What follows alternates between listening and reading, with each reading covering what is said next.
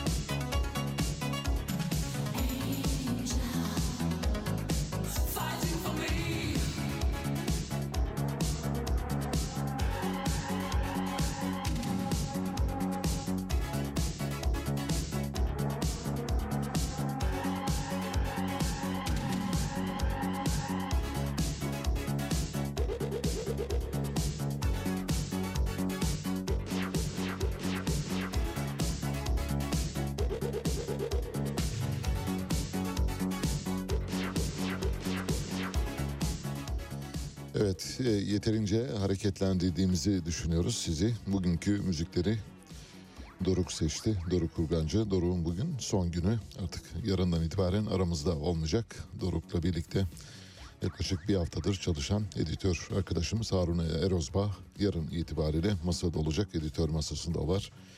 Doruk'u yolcu ediyoruz. Nereye? Yurt dışına. Evet bir tür beyin göçü aslında.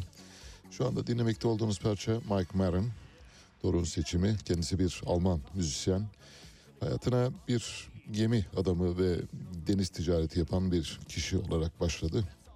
Atlantik aşırı seferler yaparak en sonunda New York City'de kendine uygun bir yer buldu ve müzik dünyasının içine girdi. İşte o günden bu yana müzik dünyasının içinde. Almanya'da çok bilinen bir sanatçı. Keza Avrupa'da da bilinen bir sanatçı. Özellikle Doğu Avrupa'da çok bilinen bir sanatçı. Sesinde böyle hafif Falco tınıları var. Jenny'yi okuyan meşhur Falco. Falco'ya çok benziyor. Kişilik olarak da benziyor. e, Ses olarak da tını olarak da benziyor. En çok bilinen parçaları Dancing in the Dark, Love Spy ve şu anda dinlemekte olduğunuz Agent of Liberty. Birazdan size birkaç parça daha çalacağız. Başlıyoruz. Bir türlü kış gelmiyor, yazda gitmiyor. Daha doğrusu yazdan kalan esintiler hala devam ediyor. Büyük bir kuraklık bekliyor Türkiye'yi ve bölgeyi elbette. Ancak Avrupa'nın ortasında iyi haberler var. Avrupa ile ilgili dün bazı istasyonlara baktım. Mesela İsviçre'de, İtalya'da, Fransa'da pek çok yerde kar var, kar yağışı var. Avrupa'nın yükseltilerinin olduğu yerlerde elbette denize yakın yerlerde ya da ılıman e, iklime sahip olan yerlerde aynı tablo söz konusu. Fakat Türkiye bu bakımdan gerçekten son derece kötü ve trajik biçimde ayrışıyor. Eğer bir iki ay içinde ne zamana kadar işte Mart sonuna kadar eğer bir kar yağmazsa ya da etkili yağışlar olmazsa biz bu yılı susuz geçireceğiz. Susuz bir yaza hazırlanıyoruz. Sabah gelirken tekrar baktım. Aracın ısı ölçerinde termometresinde sabah 5'te hava 15 dereceyi gösteriyordu. Olağan dışı bir durum bu. Gerçekten 15 derece o saatte. Dolayısıyla gece ile gündüz arasındaki sıcaklık farkının da giderek kapandığını görüyoruz. Hani biraz daha zorlasak böyle asfaltta yumurta pişirebileceğimiz bir ayı yaşıyoruz diyebiliriz. Bu tabii üzerinde elbette çok durulması gereken bir hikaye. Trajik bir durumla karşı karşıyayız maalesef. Önlem almak mümkün mü? Mümkün değil şu anda tabii dünyanın içinden geçtiği duruma bakarak. Fosil yakıtların bu kadar çok revaçta olduğu fosil yakıtlardan bir türlü vazgeçemediğimiz ve dünyanın petrol ve doğalgaz savaşlarıyla çalkalandığı bir dünyada elbette fosil yakıtların yarattığı yıkımın semeresini ya da yıkımın kefaretini ödemek zorunda kalacağız. İyi bir haberimiz var. Başlayacağız. Herkese iyi geleceğini düşündüğümüz bir haber. EYT, emeklilikte yaşa takılanlarla ilgili düzenleme en sonunda geliyor. Oldu olacak, geliyor, gelecek, oldu mu olmadı mı gibi sorular vardı. Bildiğiniz gibi son bir haftadır konuşulan. Dün AK Parti Grup Başkan Vekili, bu konuda en yetkili isimlerden bir tanesi Mehmet Emin Akbaşoğlu açıklama yaptı ve şöyle dedi. EYT düzenlemesi Şubat ayında yasalaşacak ve Şubat ayında SGK'ya emeklilik dilekçesi verenler Mart ayından geçerli olmak üzere emekli edilecek. Yoğunluk nedeniyle ilk maaş ödemelerinin Nisan ayında ya da Mart ya da Nisan için toplam 2 aylık yapılması bekleniyor. Artık bu aşamadan sonra ok yaydan çıkmıştır. Mart ayından itibaren maaşlar alınacak. Artık düzenleme hayata geçiyor. Gözünüz aydın diyelim. 2 milyon kişiyi kapsıyor şu an itibariyle. Daha fazla kişiyi kapsar mı ona ilişkin düzenleme de yapılacak diye düşünüyoruz. Ancak o diğer düzenlemenin 2 milyon kişiyenin dışındakileri kapsamasıyla ilgili düzenleme bir seçim vaadi olacaktır. Eğer bu, bu tür demeçler duyarsanız biliniz ki bu bir açık seçim vaadidir. Bir küçük haber vereceğiz. Bu da bize ait patenti bizzati bendenize ait olan bir haber. Tarım Orman Bakanlığı evcil ve besleme çiftliklerde beslenen hayvanların aşılama, küpeleme ve tanımlama dediğimiz çipleme ücretlerine zam yaptı. Küçük zamlar zaten aşı ücretleri çok böyle önemsiz, önemsiz sayılabilecek rakamlarda ancak bu rakamın işte 5000 koyun olan, e, 3000 ineği olan bir insan için çok büyük bir para olduğunu ifade edelim. Karar şöyle Tarım ve Orman Bakanlığı aracılığıyla yapılmış bir açıklama. Doktor Durali Koçak bakan adına genel müdür Hayvancılık Gıda ve Kontrol Genel Müdürlüğü açıklama yapmış. Şöyle diyor. Hayvanların tanımlanması ve veteriner biyolojik ürün uygulama ücretleri bakanlık makamından alınan olurla 6 Ocak 2023 tarihinden geçerli olmak üzere yeniden belirlenmiştir. Bu kapsamda hayvanların tanımlanması ile veteriner biyolojik ürün uygulama ücretlerinin ekte belirlenen miktar üzerinden uygulanması hususunda bilgilerinizi rica ediyorum diyor. Hayvan tanımlaması dediğimiz çip takılması ya da küpe takılmasına hayvan tanımlaması deniyor. Veteriner biyolojik ürünleri dediği de hayvanlara yapılan aşı, serum ve diğer enjeksiyonları kapsıyor. Bunlarla ilgili ücretlendirme var. Birkaç ücretin eski ve yeni oranlarını, fiyatlarını açıklayayım size. Aradaki farkı göreceksiniz. %60'a varan oranlarda zam var.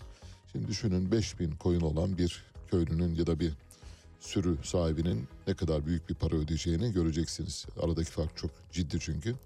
Tek tırnaklı ya da e, deve e, gibi hayvanların aşılama ücreti 3 liradan 5 liraya çıktı tek tırnaklarda. Atlar, katırlar ve bu arada develeri de aynı kapsam içine alıyor. Kuduz aşılamalarında kedi ve köpekler için hayvan başına aşılama ücreti 5 liradan 8 liraya çıktı.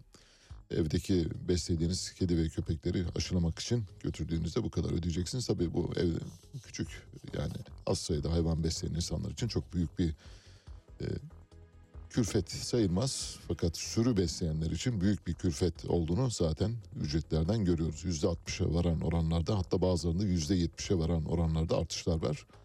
Sığır cinsi hayvanlar için hayvan başına tanımlama ücreti yani hayvanlara küpe takılma ücreti 1,5 liradan 3 liraya çıkıyor. Bu çok önemli bir zam. Tek tırnaklı hayvanlar için hayvan başına tanımlama ücreti yani çip takma ücreti 3 liradan 5 liraya çıktı. Koyun ve keçi türü hayvanlar için hayvan başına tanımlama yani çip takma ücreti 75 kuruştan 1 liraya çıktı. Burada biraz insaflı davranmışlar. Kedi, köpek ve gelincikler için hayvan başına çip takma ücreti 5 liradan 7 liraya çıktı. Diğer hayvanlar için de diğer aklınıza gelebilecek diğer hayvanlar için tanımlama yani çip takma ücreti biliyorsunuz çip takma zorunlu hale geldi yeni yasa uyarınca 1,5 liradan 3 liraya çıktı. Diğer hayvanlar için çip takma ücreti hayırlı uğurlu olsun diyelim. Hayvanlarını periyodik olarak aşılatmak zorunda kalan çiftçiler, köylüler ve sürü sahipleri için büyük bir külfet olduğunu söyleyebiliriz. Bunun aslında aşılama ücretinin bir kamusal görev olarak ücretsiz yapılması gerekiyor. Aşı dünyada, dünyanın pek çok ülkesinde ayrıca Birleşmiş Milletler konvansiyonlarında da vardır. Pek çok yaygın pandemilere, endemilere ya da epidemilere yol açan hastalıkların aşılama ücretleri kamu tarafından yapılır ve ücretsizdir. Şimdi insanlarla hayvanlar arasındaki bu farkı ortaya koymak bakımından söylemek gerekirse hayvanlardan insanlara bulaşan hastalıklar var. Diyelim ki hayvanlardan insanlara bulaşan hastalıklar değil ama sadece hayvanlardan hayvanlara geçen hastalıklar nedeniyle aşılama yapılıyorsa o da hayvan sağlığı ile ilgili, hayvan varlığı ile ilgili orada da ücretsiz yapılması lazım. Ancak devlet alacağına şahin vereceğine karga maalesef. Burada da ücretleri yüzde elli, yüzde yüze yakın ücret zamları da var bu arada. Okuduğum rakamlardan görmüşsünüzdür. Bugün scooter meselesini derinlemesine inceleyeceğiz. Scooter meselesi büyüyor. Kadıköy Belediyesi dün meydan meydan, sokak sokak dolaşarak skuterları toplatmayan şirketlere önce uyarıda bulundu. Skuterlarınızı çekin bulunduğunuz yerde diye ancak çekmeyenlerin skuterlarını demir testereleriyle zincirlerini keserek çıkardılar ve topladılar. Bu bir vandalizm. Bu vandalizme Kadıköy Belediyesi maalesef aracılık ediyor. Biz de bu vandalizme ortak olmamak için bir telefon bağlantısı yapacağız yayınımızın sonuna doğru.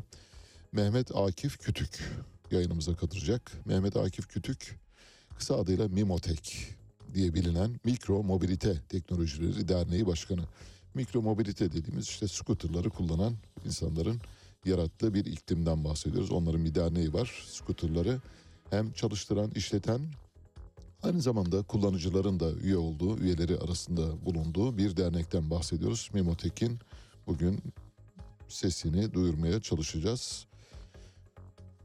Bugün itibariyle Türkiye'de kaç tür scooter var derseniz scooterların liderliğini, scooter sektörünün liderini, bildiğiniz lideri Martı oluşturuyor. Martı ile ilgili haberleri dün vermiştik.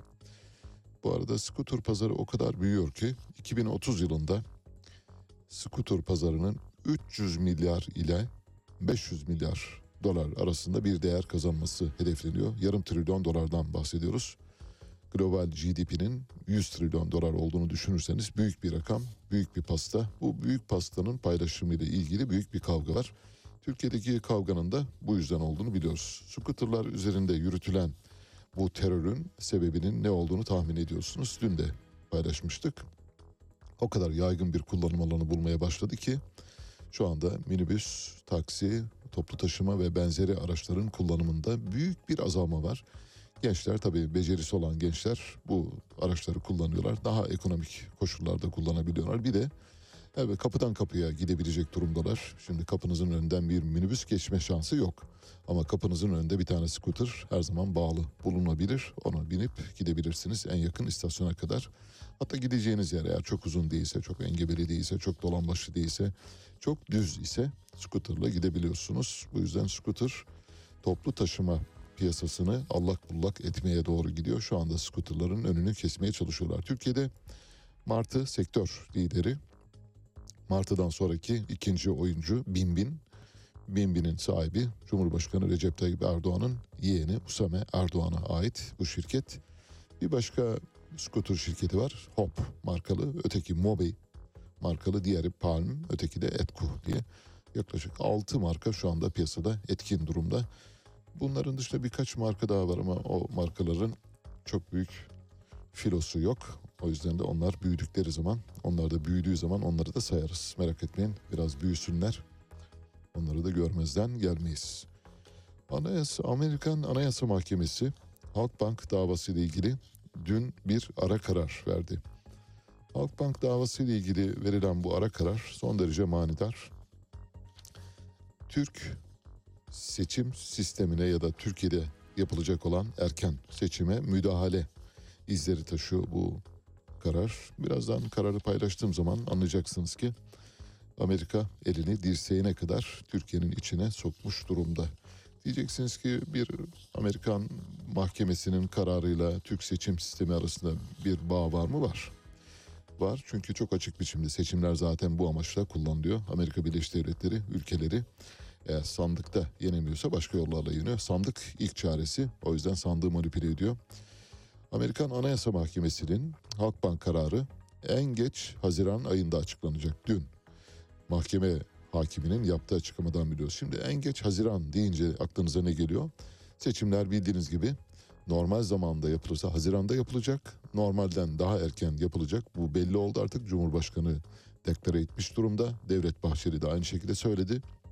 Bu durumda seçimler Haziran'dan önce yapılacak. Amerikan mahkemesinin kararı ne zaman açıklanacak? Haziran'dan önce. Peki şöyle düşünün. Şimdi yargıç Barrett sordular dediler ki savcı neden Türkiye'ye karşı bir yaptırım kararı almak yerine bir dava açtınız? Başsavcı şöyle dedi. Türkiye ile yaptırım savaşına girmek daha ciddi sorunlar yaşatırdı. Dolayısıyla Türkiye ile yaptırım savaşına girmek yerine Türkiye'ye farklı yollardan, dolambaçlı yollardan yaptırım uygulamayı tercih ettik dedi. Açık açık itiraf ediyorlar. Yani Türkiye ile nasıl oynadıklarını ifade ediyorlar. Eğer siz bir karşı kamptan ülkeyseniz Rusya gibi size yaptırım uygulayabiliyorlar. Çin iseniz yaptırım uygulayabiliyorlar. Venezuela iseniz yaptırım uygulayabiliyorlar. Ama NATO üyesi olduğunuz için yaptırım uygulamak tutmayacağından ve yaptırım uygulamanın mesnedi de olmayacağı için yani yasal bir mesnedi olmadığı için hukuksal bir dayanağı olmadığı için yaptırım uygulamıyor. Bunun yerine ne yapıyor? Sizi dolambaçlı yollardan istediği yere doğru çekmeye çalışıyor. Amerikan Anayasa Mahkemesi'nin kararı eğer Haziran ayı kadar sonuçlanacak öyle bir durumda. Sinir'de mesela Amerikan Mahkemesi Halkbank'a şöyle düşünün 1 milyar dolarlık bir tazminat talebinde bunu ceza verdi. Ya da 2 milyar dolar. Bu arada bu tazminatın miktarı 6-7 milyar dolara kadar gidiyor. Elbette tabii sonsuza kadar gidebilir onu bilemeyiz ama minimum 1 milyar dolarlık bir tazminat mahkumiyeti gelirse Halkbank'a bu durumda ne olur? Türkiye'de birdenbire bir Amerikan karşıtlığı ortaya çıkar mı? Çıkar. Bu Amerikan karşıtlığı seçim meydanlarına yansır mı? Yansır. Bu Amerikan karşıtlığı sonrasında ey Amerika sloganları yükselir mi? Yükselir. Bu durumda Amerikan düşmanlığı bir yerde konsolide olur mu? Olur. Amerikan düşmanlığının konsolide olması kime yarar? Tabii ki Cumhur İttifakı'na yarar. Bu kadar basit. İşte Amerika Birleşik Devletleri Türkiye'deki seçimlerin içine elini daldırmış durumda. Bileğine kadar girmiş durumda. Kararın ne zaman çıkacağı konusunda tabii hala kafa karışıklığı var bu arada. Ancak e, savcının ve hakimin diyaloglarından anlıyoruz ki Haziran ayına kadar olacak. Seçimlerinde 14 Mayıs e, gibi bir tarihte olacağına dair havuz medyasında ya da bizim deyimimizle söylersek yatık medyada haberler var. Dolayısıyla Amerikan Anayasa Mahkemesi'nin kararı seçimlerden önce gelecek ve seçimlerden önce gelen Amerikan kararı Türkiye'de bir Amerikan karşıtı yaratacak. Çünkü hain Amerika, dost olmayan Amerika, düşman Amerika diye sloganlar atılacak. İşte o hain Amerika sloganları bu tarafta büyük bir seçim seçmen konsolidasyonuna yol açacak. O seçmen konsolidasyonu da Amerikan karşıtından beslenen kitleyi harekete geçirecek. Oradan beslenen siyasi partilerde seçimlerde diğerlerine göre daha avantajlı hale gelebilecekler. Benim tavsiyem şu. Muhalefet partilerine ya da Millet İttifakı'na siz de aynı kozu kullanın. Eğer Amerika Birleşik Devletleri Mahkemesi Halkbank'a büyük bir ceza verirse siz de hain Amerika deyin, sokaklara çıkın. Miting meydanlarında hain Amerika, dost olmayan Amerika, düşman Amerika diye sloganları peş peşe sırayabilirsiniz. O zaman kimin kimden yana olduğu kafalarda karışık hale gelebilir. Herkesin Amerikan düşmanı olduğu bir seçim kampanyasına dönüşebilir. Bu durumda kimsenin kimseden farkı kalmayabilir. Ama sesi en çok güçlü çıkan, en fazla çıkan ve en önce çıkanlar ön alacak. O konsolidasyonu sağlayacaklar. Muhalefetin burada çok reflektif davranması halinde Cumhur İttifakı'nın kozunu elinden bir miktar alması söz konusu olabilir. Tamamen alamaz çünkü orada ayrı bir birikmiş bir Amerikan düşmanlığı var zaten. Bu Amerikan düşmanlığının üzerine yeni bir Amerikan düşmanlığı inşa ederek seçim sandıklarına yansıması sağlanacak. Hatırlarsanız biz Halkbank eski genel müdürü Hakan Atilla'nın kitabını yorumlamıştık biliyorsunuz. Amerika Atilla'ya karşı diye bir kitabı vardı. Kitap çok keyifli, güzel yazılmış bir kitaptı. Bendeniz o kitabı özetleyerek paylaştım sizinle. Ta o tarihten bu tarihe kadar devam eden bir davadan bahsediyoruz. Geriye doğru baktığımızda yani neredeyse 7-8 yıllık bir davadan bahsediyoruz ve sonuçlanmadı. Bugün itibariyle 2019 yılında sanık olarak eklenen davaya Halkbank'ın temiz başvurusuna ilişkin Anayasa Mahkemesi duruşmasında mahkeme taraflardan sözlü savunmalarını aldı ve taraflar mahkeme heyetinin sorularını yanıtladı. Anayasa Mahkemesi yargıcı Amy Coney Barrett davada Amerika'yı yani kamu haklarını temsil eden başsavcı yardımcısına sordu. Dedi ki İran'a yaptırımların denilmesinde Halkbank yöneticilerinin rolü var mı? Evet dedi savcı da. Dolayısıyla Türkiye'yi doğrudan suçlayan bir yöne doğru yürüdü. Yargıç Barrett, Amerikan hükümetinin bankanın da yargılanmasından ne gibi sonuç elde edeceği, neden yaptırım uygulanmasının ya da başka araçların kullanılmasının değerlendirilmediğini sordu. Savcı da dedi ki çok açık bir şekilde bunları artık böyle utanmadan, sıkılmadan söyleyebiliyorlar. Yani biz Türkiye'ye karşı bir oyun planı içindeyiz. Bu oyun planının gereği budur. Senaryo böyle yazılması lazım. Bu senaryo çerçevesinde hareket ediyoruz diye utanmadan, sıkılmadan hiçbir korku, endişe duymadan açıklayabiliyorlar. Savcı şöyle dedi. Eğer dedi biz Türkiye'ye karşı yaptırım uygulamış olsaydık şu anda bu noktada olamazdık. Ama şimdi yaptırım uygulamayıp dava açtığımız için hukuki yollardan Türkiye'den söke söke bir miktar para alacağız diyorlar. İşin içinde kimler var? Rıza Zerrab var. Hayırsever iş adamı. 2017-25 Aralık soruşturmalarında görevden alınan dört bakan var. Rıza Zerrab'ın e, çok muhterem ve zevci, o dönem zevci, sonradan e, terk ettiği sevgilisi Ebru Gündeş var. Aklınıza gelebilecek herkes var. Rıza Zerrab'ın ortağı var. Ayrıca İran'da yargılanıyor bildiğiniz gibi. İran yönetimi var. Herkesin işin içine karıştı. Amerika aslında yumurtaları birbirine vuruyor. İran'la Türkiye'yi birbirine çarpıştırarak bakalım hangisi çürük yumurta diye sonucu görmeye çalışıyor. Savcılar Halkbank'a Amerikan yaptırımlarının hedefi olan İran'ın gizli bir şekilde 20 milyar dolar transfer etmesine yardımcı olmak, bankacılık, dolandırıcılığı ve kara para aklama dahil olmak üzere 6 farklı suç yöneltiyorlar şu anda. Sonuca geliyoruz. Bir Bloomberg analisti var. Bloomberg analisti Elliot Stein. Elliot Stein şöyle diyor. Dava devam ederse mahkeme Halkbank'ı 1 milyar ile 2 milyar dolar arasında bir rakamda uzlaşmaya zorlayabilir diyor. 1 ile 2 milyar dolar artık burada kesinleşmiş yani Bloomberg analisti bunu böyle kafasından uydurmuyor. Bilinen bir şey var ona haber sızdırmışlar. Halkbank'tan en az bir en çok da 2 milyar dolar alacağız diyor. Bu durumda dava Haziran'a kadar biterse ki bitecek ve Halkbank'a 1 ila 2 milyar dolar ceza gelirse ki gelecek toplumda var olan Amerikan karşıtı konsolide olacak.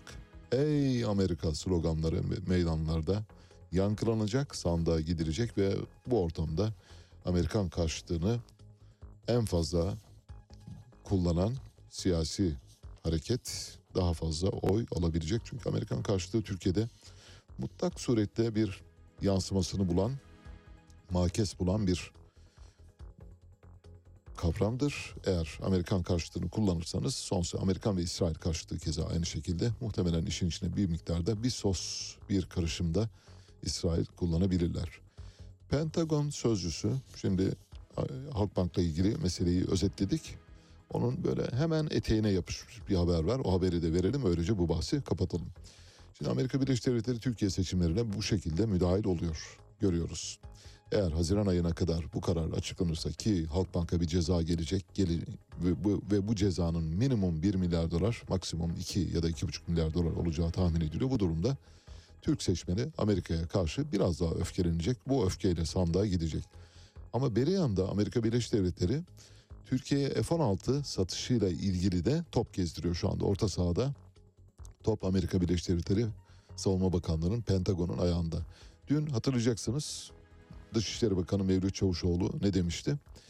Amerika ile anlaştık F-16'ları bize verecekler dedi. Öyle olmadığını görüyoruz bugün. Yani dün Mevlüt Çavuşoğlu'nun açık adı haberin doğru olmadığını biz size bugün bizzati Pentagon sözcüsünün ağzından yalanlayacağız. Onun ağzıyla yalanlıyoruz. Pentagon sözcüsü Tuğgeneral Patrick Ryder günlük basın toplantısında Türkiye'ye yönelik F-16 satışlarına yönelik soruları yanıtladı. Kararın henüz ön inceleme için kongreye gönderilmediğini, bu olası satışın iki ülke askeri ilişkilerinde nedenli önemli olduğuna ilişkin durumun farkındayız diyor. Türkiye ile Amerika arasındaki ikili ilişkiye gelince her zaman Türkiye'nin önemli bir ortak ve müttefik olduğunu söyledik. Burada yağlama yapıyor, yıkama yağlama faslı. Biliyorsun değil mi Onurcuğum? Yani berber bir gidiyorsun oturuyorsun önce bir abim ya saçlar çok uzamış ama yakışıyor. Yani kesmeye de kıyamıyorum böyle. Ne yapsak abi? abi böyle yandan mı alsak böyle hafif böyle. Aslında tıraş etmek istemiyor. Yani bedava para alacak. Yani hiç niyeti yok. Yani saçı da dokunmak istemiyor, canı da istemiyor fakat parayı da alması lazım. Abim şöyle bak bu böyle çok yakışıyor. Bak bu ben aynayı gösteriyorum yandan. Bir bak abi bak nasıl? İyi mi? Evet bence. Artist gibisin yemin ederim bak. Çok iyi görünüyorsun. Abi ama biz yani böyle hafif uçtan alalım. Çok da şey yapmayalım belli olmasın. Ama hani biraz da belli olsun. Yani tıraş olduğun belli olsun ama olmasın. Böyle. Böylesi şeyler var. Yıkama yağlama faslı. Şimdi Pentagon sözcüsü Türkiye'ye yıkama yağlama yapıyor. Türkiye ile Amerika arasındaki ikili ilişkiye gelince her zaman Türkiye'nin önemli bir ortak ve müttefik olduğunu söyledik. Yıkama yağlama bitti. Dolayısıyla Türkiye'nin liderleriyle, Türkiye'nin bir tane lideri var bu arada. Hani böyle liderleri diyerek çoğul şeyler kullanıyor. Türkiye'de bir kişi her türlü kararı veriyor. Bunu biliyoruz. Türkiye'nin liderleriyle bu ilişkiyi güçlendirmek ve karşılıklı savunma ihtiyaçlarımızın dikkate alındığından emin olmak için yakın çalışmaya devam edeceğiz diyor. Yıkama yağlama bitti. Şimdi kurulama ve durulama aşamasına geldik. Önce duruluyorsunuz sonra kuruluyorsunuz. Amerikan yönetiminin Türkiye'ye F-16 satışını onaylamasıyla Yunanistan'a F-35 uçaklarını satma planının ilişkili olup olmadığı sorusu üzerine Patrick Ryder şöyle diyor. Bu konular birbirinden bağımsız diyor. Bunları karıştırmayın. İkisi arasında çok fark var. Aynı bal gibi aynı. Ama işte soruları nasıl isterseniz öyle yanıtlıyoruz. Orada bir tane mesela adam gibi gazeteci olsa desek kardeşim o da uçak bu da uçak. Bunun parasını vermişiz. F-16'ların parasını tıkır tıkır saymışız. Duruyor kasanızda. Hesaplarınıza geçmiş. F-35'in biz partneriyiz, paydaşıyız. Yani o projenin bir parçasıyız. Bizi bu projeden çıkardınız, silip attınız. Dönüyorsunuz bizi silip attığınız projeden Yunanistan'ı yararlandırıyoruz. O da NATO üyesi biz de NATO üyesiyiz. Peki onlara bu ayrıcalık bize bu düşmanlık neden diye soracak birisi lazım. Ama yok işte öyle Patrick Ryder'ın karşısında öyle bir şey yok. Dolayısıyla Patrick Ryder diyor abicim kafanı yasla ben seni güzelce tıraş edeceğim. Çok belli olmayacak. Dışarı çıktığın zaman yenge anlamayacak. Yani diyecek ya gittin mi berbere? Ha gittim. Hiç belli olmuyor. Ya olur mu? Bak enseme baksana. Bak şu enseden. Bak şurada bak. Gördün mü? Bak orada var. Orada bir miktar gözüküyor. e, zaten süreç Osman Kavala'nın tutukluluğunun sürdürülmesi üzerine kurulmuş. Aynen. Bu tutukluluk devam etmesi için hukuka karşı verilen bir mücadele haline girmiş durumda. Merkez Bankası'nın son aylarda izlemiş olduğu para politikası doğrudan enflasyonda bu sıçramaya yol açtı. E, yani ve de, devamı da gelecek. Ülkeyi aslında öyle yönetiyorlar ki adeta koca bir survivor oyunu gibi. Bugün için önemli olan husus Türkiye'de bu sistemin değişmesidir. Bu sistem yani Cumhurbaşkanlığı hükümet sistemi Evet. maalesef uygulama aşamasında kağıt üzerinde durduğu gibi durmadı. Ali Çağatay'la Seyir Hali hafta içi her sabah 7 ile 9 arasında Radyo Sputnik'te. Ülke Ocakları eski Genel Başkanı Sinan Ateş'in öldürülmesi ile ilgili soruşturma yürüten savcı izne ayrıldı bildiğiniz gibi. Savcı izne ayrılır ayrılmaz. Bu arada savcının hiçbir gerekçesi yok yani. Neden izne ayrıldığı, neden gitmek istediğine dair en ufak bir bilgi yok. Sızmıyor zaten. Savcı izne ayrılınca yerine bir ikinci savcı görevlendirildi. Ve bu görevlendirilen savcının, sıkı durun, olaya adı karışan Milliyetçi Hareket Partisi milletvekili Olcay Kılavuz'un evinde gözaltına alınan Tolgahan Demirbaş'ın adli kontrol şartıyla serbest bırakılmasını talep etti dün ve hakim de tamam dedi serbest bırakalım ve böylece Olcay Kılavuz'un Milliyetçi Hareket Partisi milletvekili Olcay Kılavuz'un evinde yaralanan, yakalanan yataklık yapıyor. Milletvekili bir katil zanlısına yataklık yapıyor. Evinde yakalanıyor. Dava açılıyor hakkında. Cezaevine konuluyor. Tutuklanıyor. Ve arkasından savcı değişiyor. Yerine atanan savcı tutuklama talebini kaldırılmasını ya da salı verilmesini talep ediyor. Mahkeme başkanı da hay hay diyor. Tamam olur diyor ve Tolgahan Demirbaş'ı adli kontrol kararı vererek salı veriyorlar. Şimdi bu olayda gerçekten çok soru işareti var. Bu soru işaretlerini ortadan kaldırmamız mümkün değil. Buna ilişkin bilgilenme sorunu da var bu arada belirtelim. Yani hani kaynaklarda çok fazla sağlam bilgi vermiyorlar. Bir kaynağa bağlı olarak hareket ederseniz o kaynağın manipülasyonuna alet olabilirsiniz diye düşündüğüm için biraz uzakta duruyoruz ama bu meseleyi takip edeceğiz. Merak etmeyin üzerimize farsız o. Bu arada dün Mersin Ülke Ocakları Başkanı'nın aracı yakıldı. Sinan Ateş'in öldürülmesinden önce, önce de Mersin'de biliyorsunuz Ülke Ocakları Başkanı'na yönelik bir saldırı olmuştu. Dün de aracı yakıldı ve orada bir kapışma devam ediyor. Bir gözdağı hikayesi var. Türkiye İşçi Partisi Milletvekili Ahmet Şık eski bir gazetecidir. Halen de gazetecilik faaliyetleri yürütüyor. Gazeteci arkadaşımız. Bir soru önergesi verdi. Cumhurbaşkanı Yardımcısı Fuat Oktay'a. Soru önergesinin kaynağı son derece önemli. Ancak bu soru önergesine kaynaklık eden bilgi çok sarih ve sahih değil onu söyleyelim. Şöyle bir rapor çıktı ortaya. Raporun kaynağını bilmiyoruz. MIT güya Sermaye Piyasaları Kurulu'nda, Borsa İstanbul'da son 3 haftadır devam eden inişli çıkışlı seyir. Bir gün Borsa İstanbul'un sabahleyin %7, pa- affedersiniz %5 yukarı doğru gidip akşam saatlerinde eksi %2 yani toplam 7 puanlık bir marj altında gidip gelmesi. Bu kadar oynaklık kabul edilemez. Zaten devre kesiciler olmasa bu marj muhtemelen 10, 15, 20 bile olabilir.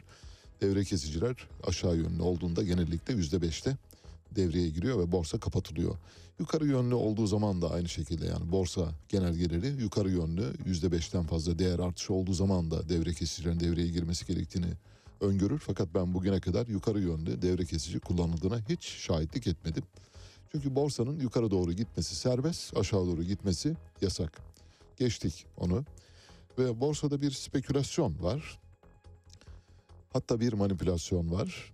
Bildiğiniz gibi sermaye piyasaları terminolojisinde spekülasyon serbest, manipülasyon yasaktır. Yani spekülasyon suç değildir, yapılabilir. Manipülasyon suçtur, yapılamaz. Spekülasyon ne, manipülasyon ne diye sorarsanız şimdi tekrar soru önergesine geleceğim. Spekülasyon örneğin bir hisseyle ilgili kanaatinizi belirtiyorsunuz ama şöyle genel bir kanaat. Bana göre ulaştırma sektöründeki hisselerde önümüzdeki 20 gün içinde bir artış olacaktır. Çünkü turizm sezonu başlıyor falan diyebilirsiniz işte Mart ayındasın. Bu kabul edilebilir çünkü hakikaten Mart ayında Mart'ın 15'inden itibaren resmi olarak turizm sezonu açılır. E, tabii turizm sezonunun hareketlenmesi Nisan ayına sarkar ama resmi açılışlar Mart ayında yapılır. Dolayısıyla orada bir şey görmezsiniz, bir e, beis görmezsiniz. Çünkü belli bir şeye oturtuyor, bir temele oturtuyor. Bunun adı spekülasyondur. Ulaştırma hisseleri Mart ayından itibaren yukarı doğru gidecektir demekte bir beis yok. Fakat filanca hissenin çok yukarı doğru gideceğini biliyorum, tahmin ediyorum ya da söylüyorum dediğiniz andan itibaren işte orada manipülasyon başlıyor. Bu suçtur. Şimdi Borsa İstanbul'da son dönemde spekülasyon boyutunu çok aşan manipülatif çok sayıda hareket ortaya çıktı. Bunlarla ilgili tekrar soru önergesine geliyorum. Güya Milli İstihbarat Teşkilatı bir rapor hazırlayıp Cumhurbaşkanı'na sunmuş. Raporun içeriğindeki bilgilerin de şöyle olduğu tahmin ediliyor. Ancak rapor yok ortada. Raporu kimse görmedi. Ben de görmedim. Hiç kimsenin gördüğünü zannetmiyorum. Ortada bir şey dolaşıyor. Bir hayalet. Bir rapor hayaleti var dolaşıyor. Henüz göremediğimiz için bilemiyoruz. Güya Cumhurbaşkanı rapora bakıyor. MIT'in hazırladığı rapora. O raporda AK Parti ile iltisaklı bazı kişilerin de adları geçiyor. AK Parti ile iltisaklı kişiler bu raporun Cumhurbaşkanı'na gittiğini öğreniyorlar güya. Ve arkasından ne yapıyorlar?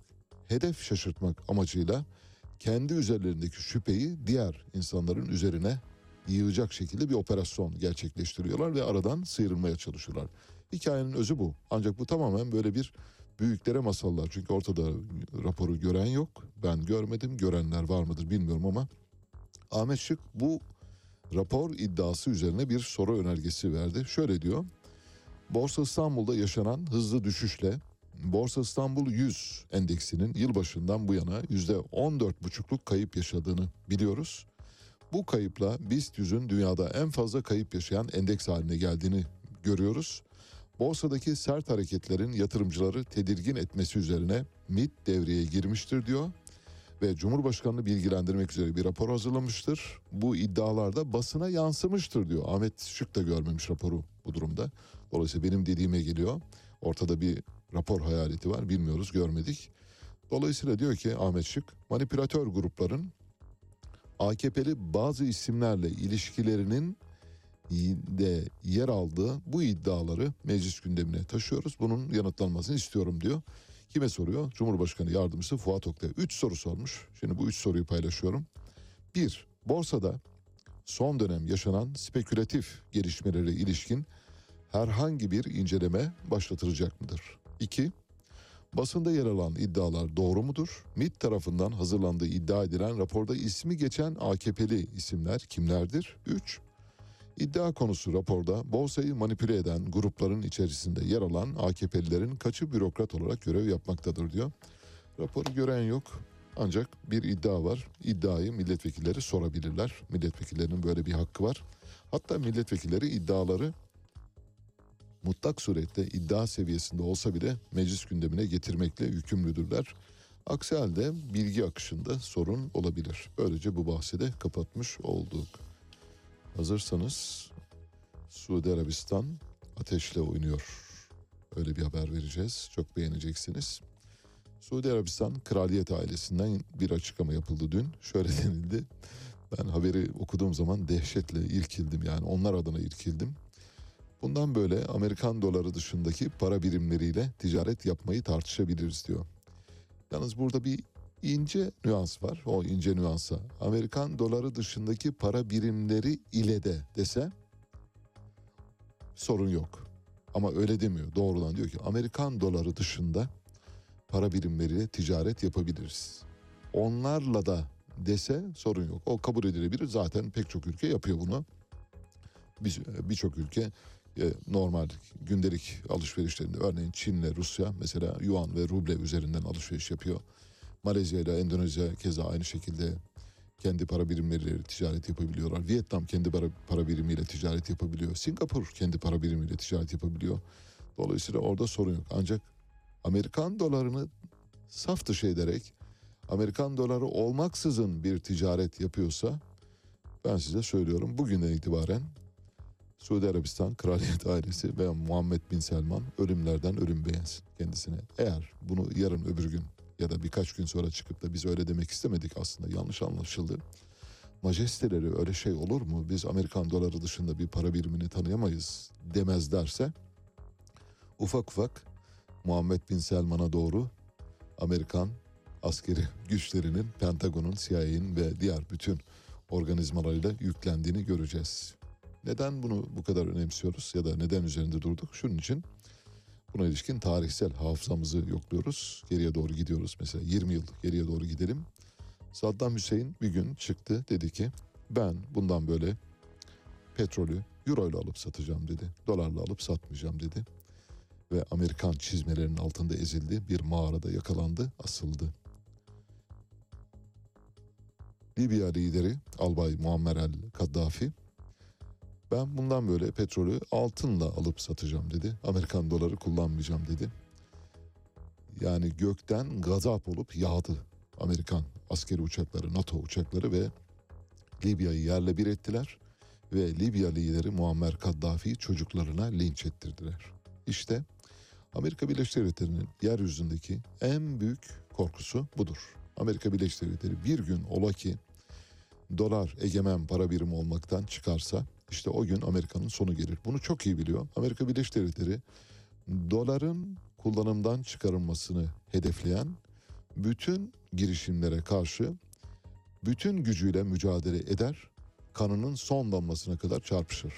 Amerika Birleşik Devletleri'nin son 30 yılda özellikle giriştiği savaşların altında doların egemenliğine karşı girişilen mücadele yatmaktadır. Bugün mesela Rusya ile Çin arasında yuan ve ruble ile olan alışverişe müsamaha ediyor. O kadar olur diyor. Ancak bir gün Rusya ve Çin dese ki biz tamam kardeşim bıraktık artık bundan sonra dolar diye bir parayı tanımıyoruz. Hatta euroyu da tanımıyoruz. Kendi aramızda bir çıpa oluşturacağız. Bu çıpaya göre ruble ile yuanın bir çıpası olacak. O çıpaya göre biz alışverişimizi yapacağız. Bundan böyle doları hayatımızdan çıkarıyoruz dedikleri gün 3. Dünya Savaşı çıkar. Söylüyorum net. Şimdi Suudi Arabistan Veliaht Prensi Muhammed Bin Selman bugünden itibaren ölümlerden ölüm beğensin. Eğer yarın öbür gün Suudi Arabistan kraliyet ailesinden yok biz öyle demedik. Aslında böyle demiş olsaydık ya da diyecektik gibi bir açıklama gelirse yani bir tavzih bir e, karşı bir teksip gelirse o zaman sorun yok ama gelmezse Amerika Birleşik Devletleri'nin şu anda oylum oylum fidan boylum yaptığını söyleyebilirim. Riyad'a doğru yavaş yavaş yürüyor. Şu anda Amerikan deniz piyadeleri çizmelerini giydiler. Balık adamı giysilerini kuşandılar ve Sahra altına doğru hareket ediyorlar. Oradan Körfez'e doğru geçmek üzerelerdir. O kadar net söylüyorum. Amerika Birleşik Devletleri'nin dünyadaki en büyük korkusudur. Bundan daha büyük korku yoktur. Silah, güç, savaşlar, şunlar bunlar onları çok bertaraf edebilecek durumda. Çünkü bir diplomasiyle yönetilebiliyor. Fakat doları kullanımdan kaldıran bir ülkeye ya da bir kişiye, bir lidere karşı yapamayacağı şey yok. Yapacakları şey sınırsız. Brezilya polisi Türkiye'ye rotası Türkiye olan bir gemide selüloz yüklü bir gemide operasyon yaptı ve 290 kilo kokain ele geçirdi.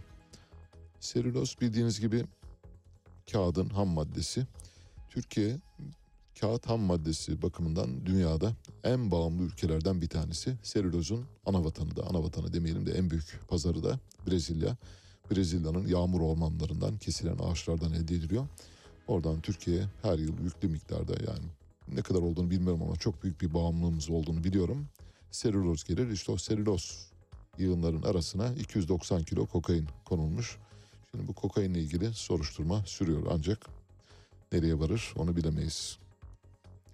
İstiraf Mahkemesi'nin Kemal Kurkut'u öldürmekten yargılanan polis Yakup Şenocak hakkında ceza verilmesine yer olmadığı hükmünün kurulmasıyla verdiği bozma kararına uyan Diyarbakır 7. Ağır Ceza Mahkemesi Şenocak'ın cezalandırmasına yer olmadığına karar verdi. Haber biraz karmaşık yazılmış. Diyarbakır'da öldürülen bildiğiniz gibi Kemal Kurkut adında bir genç vardı. Üzeri üst tarafı çıplak ve üzerinde silah olmasına imkan olmayan yani görünürde hemen baktığınız anlaşılıyor. Arkadan vurdular çocuğu öldü ve arkasından polislerle ilgili soruşturma açıldı. İşte dün o son soruşturma ile polislerden yani son yargılanan kişi Yakup Şenocak hakkında ceza verilmesine yer olmadığı kararı verildi. Türkiye'de maalesef işte ölen öldüğüyle kalıyor. Ali Babacan ve eşi Zeynep Babacan dün Davos'a gittiler. Giderken havalimanında bir fotoğrafları var. Davos'ta 10 ayrı oturuma katılacak Ali Babacan. Bu arada Ali Babacan'ın son birkaç gündür çok tartışma gündeminde olduğunu biliyorsunuz. Neden olduğunu biliyor musunuz? İHA ve SİHA'larla ilgili bazı demeçler verdi Ali Babacan. Dedi ki tabii İHA ve SİHA deyince Selçuk Bayraktar küçük damat akla geliyor. Selçuk Bayraktar'ın Bayraktar şirketi ya da İHA ve SİHA'ları yapan şirketi akla geliyor. Şöyle dedi. Acaba dedi Selçuk Bayraktar'a kadar Türkiye'de savunma sanayi yok muydu? Türkiye'de savunma sanayi şirketleri kurulmamış mıydı? Mesela Aselsan yok muydu? Havelsan yok muydu? Roketsan yok muydu diye sordu. Hakikaten de doğru. Ancak tabii orada böyle bir ince ayar var. Bu ince ayarı çok kaçırdığını düşünüyor bazı kesimler. Ben aynı kanaatte değilim. Ali Babacan'ın doğru söylediğini düşünüyorum. Şimdi Ali Babacan evin küçük çocuğuydu. Öyle mi? Yazdık mı bir kenara? Neydi? Bebecan diye başlamıştı. Çok genç yaşta geldi. AK Parti'nin bütün kılcal damarlarını, bütün kapiller yapılarını biliyor. Dolayısıyla Ali Babacan eğer bir şey biliyorsa onu ihsas ediyor. Diyor ki vallahi öyle abartıyorsunuz o kadar değil. Bu İHA SİHA meselesi tamam güzel hoş fakat ondan önce de vardı. Şunu demek istiyor. Bu kadar çok abartmayın. Arka planda o kadar büyük bir başarı yok. Ben de bu işin içindeyim ve ben de Ali Babacan'ım. 20 yıldır bu siyasi bir hareketle birlikte iç içe hareket ettim. Biz birbirimizi biliriz. Biz 40 kişiyiz. Hepimiz birbirimizi biliriz diyor. O bakımdan Ali Babacan'ın sözlerini böyle yorumlamak lazım. Evet yavaş yavaş habere gidiyoruz. Mike Maron'dan parçalar seçtik. Mike Maron'ın şu anda dinlemekte olduğumuz parçası Love Spy kült şarkılarından biri. Kendisi bir Alman. Bir transatlantik yolculuğu sonrasında New York City'ye gidip orada müzisyenlerle, müzik yapımcılarıyla tanıştıktan sonra ve çok yetenekli olduğu anlaşıldıktan sonra müziğe başlıyor. Şu anda Avrupa'yı kasıp kavuruyor. Kendisinde bir Falco sesi var. Yarın da size bir Falco ziyafeti çekeceğiz. Yarından itibaren Doruk yok. Doruk Urgancı olmayacak. Yeni editörümüz Harun Erozbağ olacak. Onunla yarın sabahleyin bir size Falco ziyafeti çekeceğiz. Falco Jenny diyecek. Evet saat baş haberler.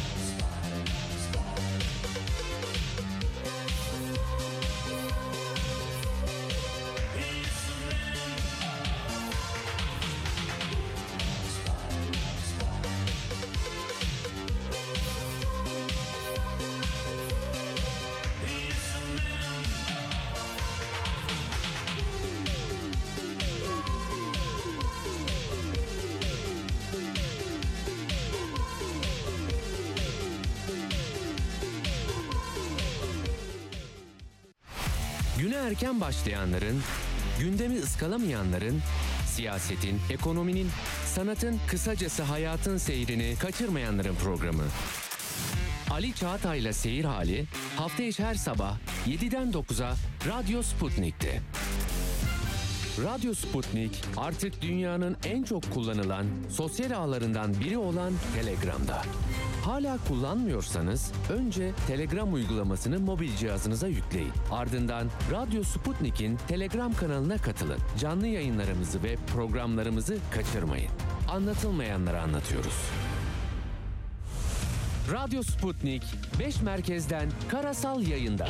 İstanbul 97.8, Ankara 96.2, İzmir 91, Bursa 101.4, Kocaeli 90.2.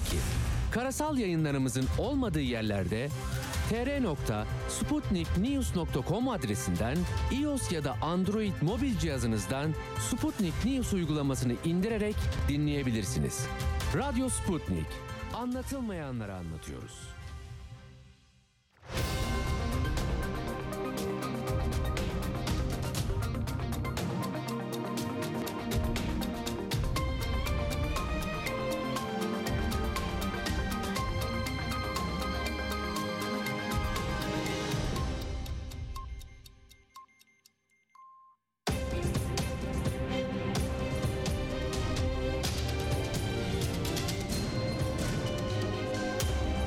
Radyo Sputnik.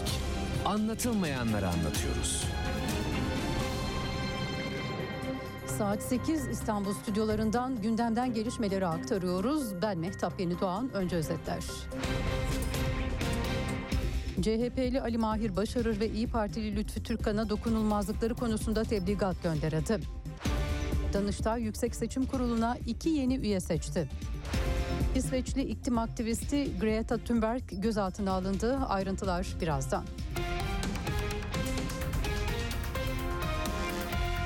Emeklilikte yaşa takılanlar düzenlemesi ne zaman çıkacak? Düzenlemenin meclise geleceği tarihe ilişkin AK Parti Grup Başkan Vekili Muhammed Emin Akbaşoğlu açıklama yaptı. Akbaşoğlu düzenlemeyi en geç haftaya meclise sunacaklarını ve maaşların Mart ayında yatırılacağını söyledi. CHP Mersin Milletvekili Başarır ve İyi Parti Mersin Milletvekili Türkkan'ın dokunulmazlığının kaldırılmasına ilişkin yürütülen süreçte yeni bir gelişme yaşandı. Meclis Hazırlık Komisyonu iki milletvekiline yazılı savunmalarını vermek üzere tebligat gönderdi. Komisyon vekillere yazılı savunma için 24 Ocak, sözlü savunma için 25 Ocak'a kadar süre verdi. Yüksek Seçim Kurulu üyeliğine Danıştay kontenjanından seçilen Başkan Vekili Erhan Çiftçi ve Yunus Aykın'ın görev sürelerinin dolması nedeniyle Danıştay'da seçim yapıldı. Danıştay Genel Kurulu'nda yapılan oylamada Ali Çopur'la İsmail Kalender Yüksek Seçim Kurulu üyesi seçildi. İstanbul Büyükşehir Belediye Başkanı Ekrem İmamoğlu, Cumhurbaşkanlığı Yatırım Programı'nda Sefa Beylikdüzü TÜYAP metrosu projesine ve 300 metrobüs alımına yer verilmemesine tepki gösterdi. İmamoğlu, bu takdir bulduğumuz finansmanı da kullanılamaz hale getirdi. Bu takdiri kamuoyunun vicdanına sunarız dedi. Türkiye'nin kuraklık sorunuyla devam edelim. Türkiye'nin toplam tarımsal üretiminin yaklaşık %10'unu karşılayan Konya Ovası'nda yeraltı su kaynakları azalmaya devam ediyor. Bilinçsiz sulama nedeniyle yeraltı su kaynaklarında seviye yılda ortalama 2,5-3 metre geriliyor. Ancak Konya Havzası'ndaki yeraltı su seviyesi bu yıl kentin bazı bölgelerinde 15-20 metre kadar geriledi ve geçmiş yıllarla birlikte gerileme seviyesi 50 metreye kadar ulaştı. Sakarya'nın ana içme suyu kaynağı olan Sapanca Gölü'nden de kuraklık sebebiyle Kocaeli'ye su çekiliyor. Birçok dereden beslenen göl su fabrikalarının da kaynaklardan beslenmesi ve beklenen yağışların gelmemesiyle alarm vermeye başladı. Sapanca Gölü'nde su kritik eşiğin altına düştü ve kıyıdan yaklaşık 40 metre çekildi. İstanbul'da dün başlayan lodos etkili olmaya devam ediyor. Fırtınanın bugün akşama kadar sürmesi bekleniyor. Afet ve Acil Durum Yönetimi Başkanlığı AFAD, İstanbul Büyükşehir Belediyesi Afet Koordinasyon Merkezi AKOM'la İDDAŞ, vatandaşlara olumsuzluklara karşı uyarılarda bulundu. Türkiye genelinde hava sıcaklığı mevsim normallerinin üzerinde. Bugün Edirne, Kırklareli, Çanakkale, Balıkesir, İzmir, Aydın, Muğla, Antalya, Isparta, Hatay, Burdur ve Adana yağmur ve sağanak yağışlı. Diğer yerlerde hava az bulutlu ve açık. Lodos, Marmara, Ege, İç Anadolu ile Batı Karadeniz'de zaman zaman fırtına şeklinde esiyor. Fırtınanın hızı saatte 90 kilometreye kadar çıkıyor. Ağaç ve direkler devrilebilir, çatılar uçabilir, ulaşım aksayabilir. Ayrıca baca zehirlenmelerine karşı dikkat. Dünyadan öne çıkan bazı başlıklar var sırada. Rusya'dan Avrupa Birliği'nin 9. yaptırım paketine misilleme geldi. Rusya Dışişleri Bakanlığı, Ukrayna ordusuna askeri eğitim veren Avrupa Birliği ülkeleri askeri yetkilileriyle Kiev'e silah ve teçhizat yardımı yapan şirketlerin yöneticilerini yaptırım listesine dahil etti. Yaptırımların bazı Avrupa Parlamentosu üyelerini de içerdiği bildirildi.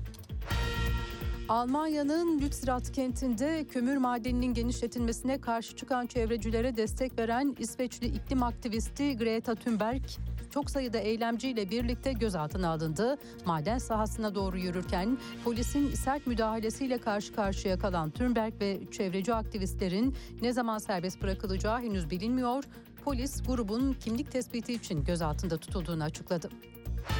Spor haberleriyle devam edelim. Ziraat Türkiye Kupası'nda çeyrek finale yükselen 3 takım belli oldu. Galatasaray konuk olduğu Alanya Spor'u 2-1 mağlup ederek adını çeyrek finale yazdırdı. Kayseri Spor Antalya Spor'u 2-0, Sivas Spor'da Karacabey Belediyespor'u 3-0 yenerek çeyrek finale yükseldi.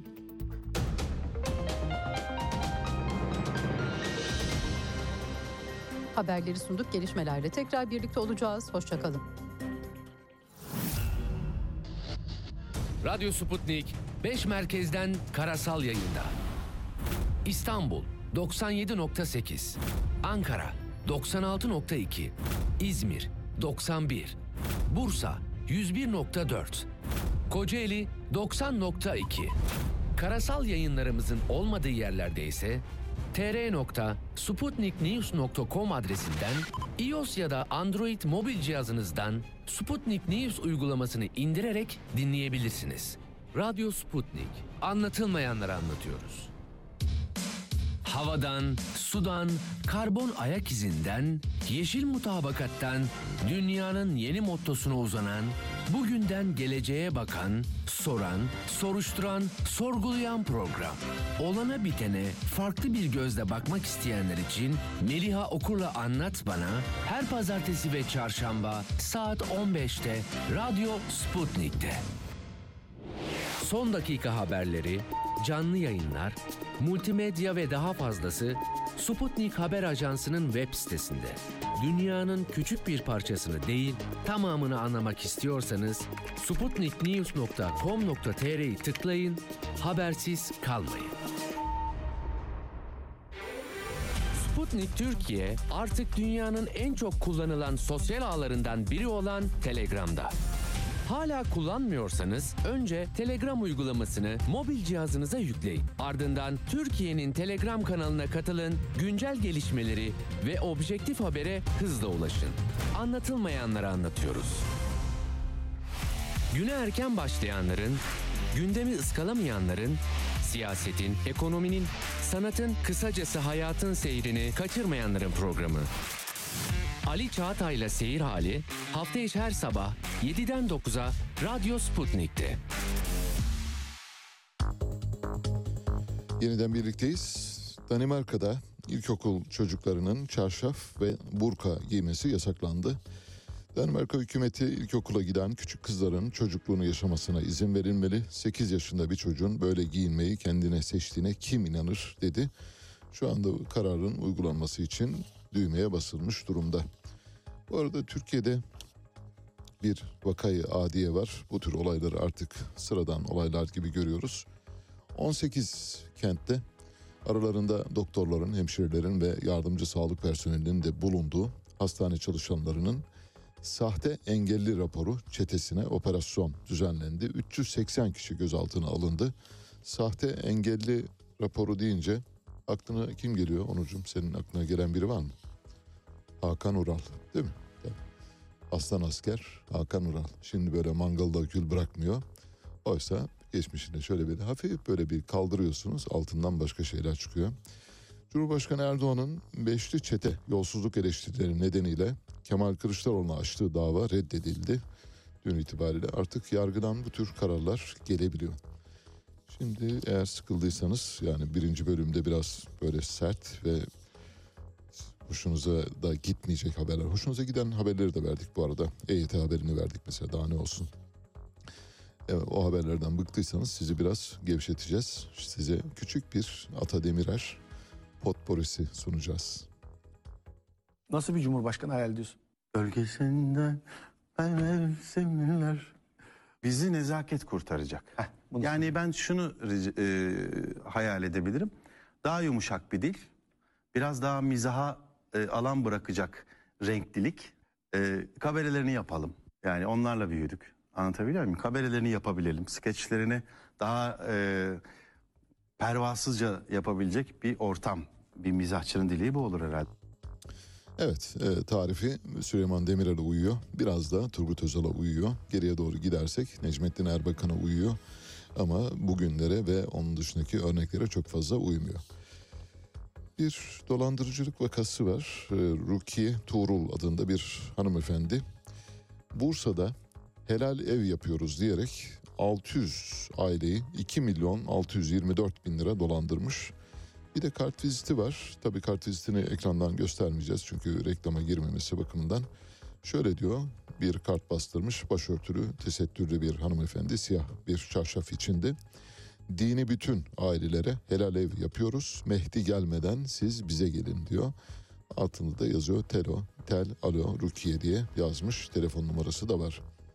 Şimdi helal ev nedir derseniz helal ev tabii bir kavramsal çerçevesi var. Hani böyle e, laf olsun diye söylenen bir şey değil. Fakat tabii helal ev diye gidip para kaptırırsanız işte o zaman sorun. Helal evde bazı akredite kurallar var. Mesela bu kurallardan bir tanesi kapıların hepsinin kıbleye bakıyor olması gerekiyor. Bütün kapılar kıbleye bakacak.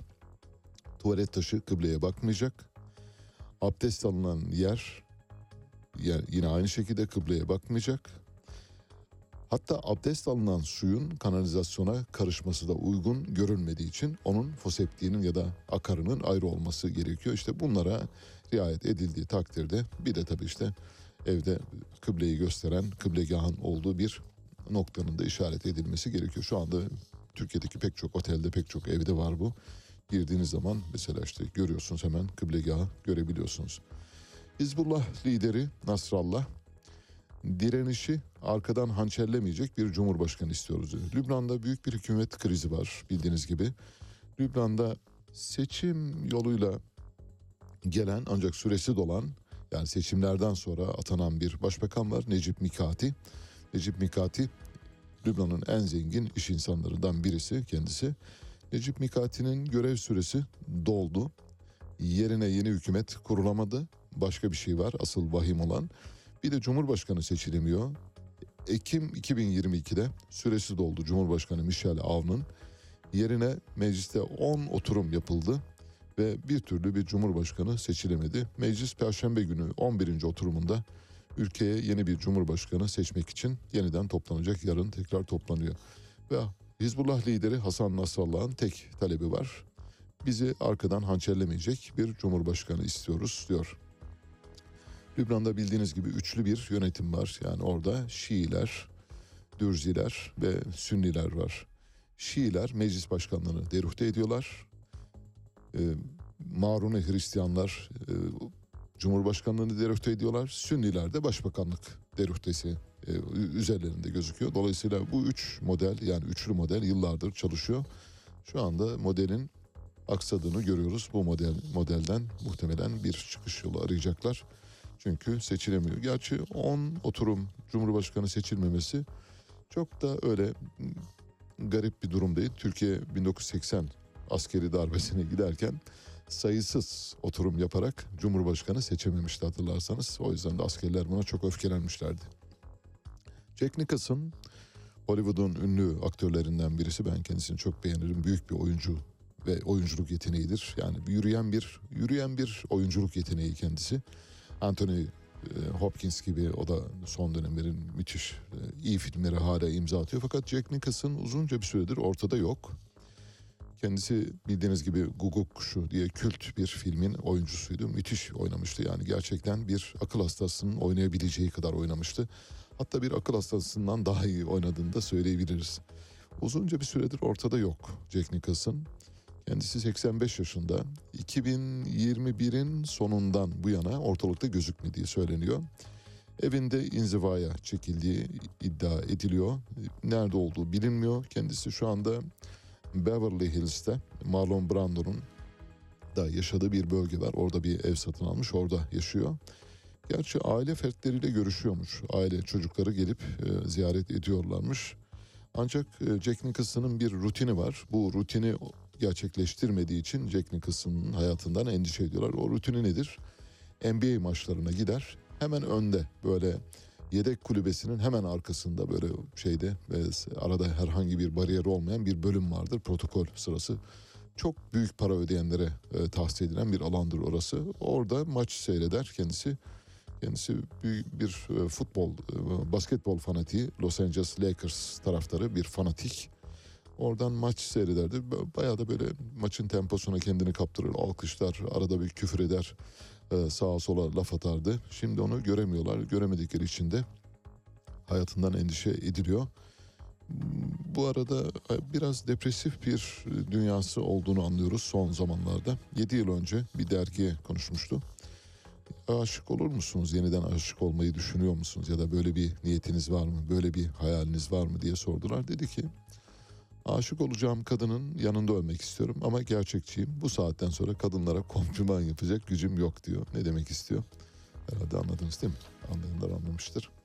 Detayına girmeyelim. Avrupa Birliği İran'a karşı yeni yaptırımlarla ilgili tüm seçenekler masada diyor. Avrupa Birliği ve Amerika İran'a karşı kelepçeyi sıkmaya başladı. İkisi birlikte hareket ediyorlar ama sözcülüğü Avrupa Birliği yapıyor. Avrupa Birliği'nin komisyonunun adaletten sorumlu üyesi Didier Reuner, Amerika Avrupa Birliği'nin İran'daki İran e, insan hakları ihlallerine karşı devrim muhafızları ordusunu hedef almak da dahil yeni yaptırımları değerlendirdiğini ve tüm seçeneklerin masada olduğunu söylüyor. Avrupa Birliği'nin İran, İngiltere çifte vatandaş eski savunma bakan yardımcısı Ali Rıza Ekberi'nin İngiltere adına casusluk yapmak suçlamasıyla idam edilmesini kınadılar. Bu arada Avrupa Birliği mahfilleri İran'daki iç durum büyük bir endişe kaynağı diyor. Yine Avrupa Birliği sizi temin ederiz ki Avrupa Birliği'nin İran'daki olaylara yanıt verebilmesi için tüm seçenekler masada diyor. Avrupa Birliği bir kağıttan kaplan. Böyle tüm seçenekler masada deyince Avrupa Birliği'nin bir ordusu yok. Avrupa Birliği Amerika Birleşik Devletleri izin verirse ordusunu kışladan çıkarabiliyor. Yoksa ordusu öylesine naylon bir ordu. Hatırlarsanız Amerika Birleşik Devletleri'nin en büyük korkularından bir tanesi de budur biliyorsunuz. Bir numaralı korkusu neydi? Doların yürürlükten kaldırılması, egemen bir para birimi olmaktan çıkarılması. İkinci korkusu ordusunun karşısına başka güçlü bir ordunun yerleşiyor olması. Mesela bunu Avrupa Birliği bir süre önce denedi. Avrupa Birliği bundan 3-4 yıl önce başladı çalışmalarına daha doğrusu laf gezdirmeye başladılar. Bir Avrupa ordusu kurmak istiyoruz dediler. Amerika Birleşik Devletleri dedi ki neden kuracaksınız yani bu Avrupa ordusuna ne ihtiyacınız var? Biz küçük bir ordu kuracağız dedi Avrupa Birliği. O zaman İngiltere de Avrupa Birliği'nin bir parçasıydı. Küçük bir ordu kuracağız. Çevik bir ordu olacak. 60 bin kişi olacak. Örneğin dünyanın herhangi bir yerinde bir Avrupa Birliği'ni de ilgilendiren ya da Birleşmiş Milletler misyonu çerçevesinde bir müdahale gerekiyorsa bu çevik kuvvetimiz işte havacı indirme birlikleri şunlarla bunlarla falan gidip oraya müdahale edeceğiz. Amerika Birleşik Devletleri dedi ki yok dedi kalsın. Siz ordu falan kurmayın. Benim ordum sizi korumaya yeter. Öyle ordu kurma falan gibi fikirlere kapılmayın. İşte burada söylüyor Avrupa Birliği her şey masada diyor. Avrupa Birliği kağıttan kaplan hiçbir şey yapacak durumda değil. Amerika Birleşik Devletleri'nin izin verdiği kadar hareket edebilir. Onun ötesi gerisi lafı güzaf. Alkole gelen zamlar sonrasında İstanbul başta olmak üzere pek çok yerde şöyle bir gelenek başladı. Mesela bir lokantaya gidiyorsunuz diyorsunuz ki neyse bu habere girmeyin. Bu haberin içinde rütük açısından hassasiyet oluşturabilecek bir unsur var. Bak nerede gördün mü tehlikenin hemen ilk virajında döndüm durdum. Kapatıyoruz haberi vermiyorum ve veremem Veremem iki tane büyük ceza aldık. Bir üçüncü ceza var. Dolayısıyla üç tane ceza almış bir adam yani hala ya arkadaş sen de uslanmıyorsun falan diyebilirler ki aldığım cezaların tamamı da haksız bu arada. Yargı yoluna başvuracağız merak etmeyin. Öyle böyle şey papuç o kadar ucuz değil merak etmeyin.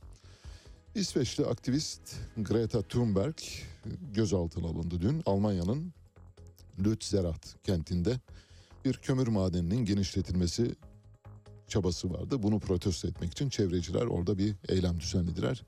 Greta Thunberg de bunların arasındaydı. Polis yaka paça aradı yani Greta Thunberg oluşuna bakmadan onu da gözaltına aldı. Kimlik tespiti için polis gözaltına aldıklarını söylüyor. Aachen polisi. Grubu kimlik tespiti için aldık. Bırakacağız yakında diyorlar. Zaten bırakmak zorundalar. Yani Greta Thunberg'i içeride tutabilecek bir babayı daha doğmadı. Twitter dosyaları, ilaç şirketleri aşıda patentin kaldırılması çağrılarını sansürletmiş. Nasıl? Yani Elon Musk Twitter'ın yönetimine gelinceye kadar aslında bir Twitter dosyası hazırladım. Onu önümüzdeki günlerde paylaşacağım sizinle. Twitter dediğiniz nedir böyle? Basit bir aparat mıdır? Basit bir bilgilenme aracı mıdır? Ya da Twitter aslında Twitter'ın ötesinde başka bir şey midir diye düşünüyorsanız size dört başıyla mamur, dört başı mamur 32 kısım tekmili birden bir Twitter dosyası açacağım. Twitter dosyasını Amerikan seçimleriyle bağlaşık biçimde ele alacağız. 2024 yılında Amerikan başkanlık seçimleri var. Şimdi Amerikan başkanlık seçimlerine giderken Twitter'ın burada nasıl bir rol oynayacağını size anlatmaya çalışacağım. Ama Twitter geçmişte bu konuda çok sabıkalı. Elon Musk'ın Twitter'ı satın almasından bu yana Twitter iç görüşmeleri dosyalar halinde yayınlanıyor. Bunlara Twilleaks diyebiliriz. Bu kavramı ben uydurdum. Yani Wikileaks gibi düşünmek lazım. The Intercept isimli haber sitesinin yazarı Lee Funk söz konusu iç yazışmalara dayandırdığı haberinde BioNTech, Pfizer ve Moderna gibi önde gelen koronavirüs aşı üreticilerinin büyük ilaç şirketlerinin aşının daha uygun fiyatlandırılması yönündeki çağrı ve kampanyaların sansürlenmesi konusunda Twitter'a baskı yaptığını açıkladı. Ne demek istiyor? BioNTech ilk aşıyı bulan Pfizer BioNTech ve Amerikalıların en büyük aşı şirketi Moderna bu aşıyı üreten şirketler patentimizi başkalarına veremeyiz diye ayak dirediler. Bunun üzerine diğer ilaç firmaları ve diğer ülkelerin sağlık otoriteleri hatta Birleşmiş Milletler ayağa kalktı. Dedi ki bu insanlık yararına bir buluştur. Dolayısıyla patentini paylaşmanız lazım dediler. Bunun üzerine Twitter'da bir karşı kampanya örgütlendi. Yani ilaç firmaları, aşı firmaları karşıtı bir kampanya örgütlendi. Pfizer ve Moderna karşıtı. İşte bu aşı firmalarına karşı örgütlenen kampanyayı Twitter ne yapmış? Maskelemiş. Nasıl? Bence güzel. Evet işte Twitter'ın işlevlerinden bir tanesi bu. Şimdi küçük bir dosya açacağız. Bir Ali İsmail Korkmaz dosyası açacağız. Ali İsmail Korkmaz 2013 yılında gezi olayları sırasında bildiğiniz gibi hayatını kaybetmişti dövülerek. Polisler ve çevredeki esnaf tarafından, fırıncılar tarafından dövülerek öldürülmüştü. Ali İsmail Korkmaz'ın öldürülmesinin üzerinden 10 yıl geçti. Birçok kişi yargılandı. Polisler, fırıncılar ve döverek öldüren, sopalarla döverek öldüren esnaf da yargılandı. Ve en sonunda karar verildi dün itibariyle son sanık polis Hüseyin Engin hakkında dikkat edin lütfen 7 ay ceza verildi. 7 ay. Yani şuradan mesela karşıdan karşıya geçerken bir kusur işleseniz herhangi bir basit bir kusur o bile 7 aydan fazladır. 7 ay ceza verildi. Ali İsmail Korkmaz'ın kanı yerde kaldı maalesef. Fotoğrafı var. 19 yaşındaydı. Çok gencecik pırıl pırıl bir simgeydi. O bizim 21. yüzyıla düşmüş deniz gezmişimiz öyle söyleyelim. Kıydılar Ali İsmail Korkmaz'a. 1994 yılında Hatay'da çok yoksul bir ailenin çocuğu olarak dünyaya geldi. 2013 yılında da 10 Temmuz'da dövülerek öldürüldü. Polis coplarıyla ve vatandaşların sopalarıyla, sopaları altında öldürüldü. Önce polis de darp etti. Arkasından ara sokaklara kaçarak saklanmak istedi. Daha doğrusu kaçmak istedi. Eskişehir'de oluyor. Yöreden yetişen 2-3 fırıncı sopalarla ellerindeki merdanelerle giriştiler. Beyin kanaması geçirdi Ali İsmail Korkmaz. Tam tamına 38 gün komada kaldı. Hastaneye yetiştirilmemesi için olağanüstü bir çaba sarf edildi. İlk tıbbi müdahale 20 saat sonra yapıldı. İlk tıbbi müdahale. Beyin sarsıntısı geçirmiş, yüzü gözü kan içinde ve kendini bilmez halde, şuuru kapalı halde hastaneye götürülüyor. 20 saat sonra müdahalede bulunuyor ve beyin kanaması geçirdiği anlaşıldı. 10 Temmuz günü de hayata veda etti maalesef. Ali İsmail Korkmaz'ın ölümü aslında bir ateşleyici işlevi de gördü. O günden sonra gezi olaylarının daha çok farkına vardı insanlar. Ve Türkiye'nin birçok ilinde ölümünden 40 gün sonra Hatay'da gösteriler başladı. Antalya'dan yola çıkan bir grup adalet yürüyüşü başlattı. Adaletten, adalet adaletten hızlı olmalıdır diye. Ve 27 Temmuz 2013'te Eskişehir'e ulaştı bu grup. Eskişehir halkı Ali İsmail Korkmaz'ın darp edildiği sokağa giderek protesto gerçekleştirdiler. Olaydan sonra polisler hakkında ve döverek öldüren esnaf fırıncılar hakkında soruşturma açıldı. 5 kişi tutuklandı. 8 toplam 8 sanık hakkında da kasten suç kastıyla adam öldürmekten hapis cezası istendi. Ömür boyu bu arada dikkatinizi çekiyorum. 2015 yılında dava başladı. 2013'te öldürüldü. 2015'te dava başladı. 2 yıl sonra polis Mevlüt Saldoğan kasten ölüme sebebiyet vermek suçundan 13 yıl hapis cezasına çarptırıldı. Cezası geleceğine etkisi göz önüne alınarak 10 yıla indirildi. Tutukluluğunun devamına karar verildi. Tutuksuz sanık polis Yalçın Akbulut 12 yıla çarptırıldı. O da aynı gerekçeyle 10 yıla indirildi cezası. Fırıncılar İsmail Ramazan Koyuncu ve Muhammed Vatansever yaralama suçundan 8'er yıl hapis cezasına çarptırıldılar. Cezaları suça yardım düzeyinde kaldığı için esnafın cezaları, fırıncıların cezası 3 yıla indirildi. Diğer polis memurları Şaban Gökpınar ve Hüseyin Engin delil yetersizliğinden beraat etti. Son yargılanan polis memuru da 7 ay. Hani sokakta birinin burnuna dirseğiniz çarpsa 7 aydan daha fazla verirler. Bir çocuğu öldürdüler. Üstelik de sokak aralarında merdanelerle ve küreklerle, tahta küreklerle, fırın kürekleriyle kafasına vurarak öldürdüler Ali İsmail Korkmaz'ı. Enflasyon bir armut gibi böyle olgunlaşıp daldan düşebilecek bir data değildir dedi. Şimdi fiyatlar düzeyi belli bir seviyeye kadar ulaştığında hepimizin günlük hayatında biz ne yapıyoruz? İşte bir bardak 10 lira, yarın 15 lira oluyor, öbür gün 20 lira oluyor. Siz eskiden altılı bir bardak alırken üçlüye dönüyorsunuz, ikiliye dönüyorsunuz. Talep burada azaldığında belki enflasyonun belli bir noktada durması sonucu oluşabilir. Enflasyon bir armut değildir. Olgunlaşıp dalından düşmesini beklemeyiniz değil mi? Bunu bir e, motto olarak yazmak lazım. Futbolla ilgili bir dosya açacağız. Arka planda bir de müzik duyacaksınız birazdan. Futbolda, Türkiye futbolunda acaba işler yolunda gidiyor mu gitmiyor mu diye düşünüyorsanız buna yanıt verebilecek bir araştırma var. Çok güzel hazırlanmış bir araştırma. Araştırmanın müellifini de bu arada sizinle paylaşalım biliyorsunuz biz bu tür telif konusuna çok önem veriyoruz. Salih Demirci'nin yaptığı bir araştırma çok güzel, iyi hazırlanmış bir araştırma. Bir harita var, o haritayı arkadaşlarımız paylaşsınlar. Bu haritada doğum yerine göre hangi ilden kaç milli futbolcu çıktı diye bir harita yapılmış.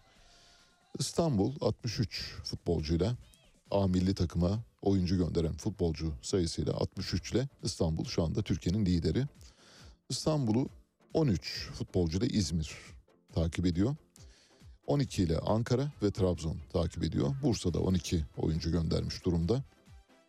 Diğer illerden birkaçını örnek vereyim.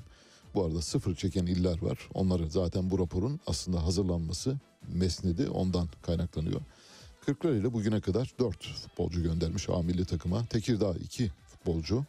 Çanakkale 1, Balıkesir 3, Manisa 3, Aydın 3 futbolcu göndermiş. Afyonkarahisar 2 futbolcu göndermiş bugüne kadar. Eskişehir'den 1, Konya'dan 1, Kayseri'den 1, Aksaray'dan 1, Yozgat'tan 1, Tokat'tan 1, Ordu'dan 1, Erzincan'dan bir, Tunceli'den bir diye geçiyor.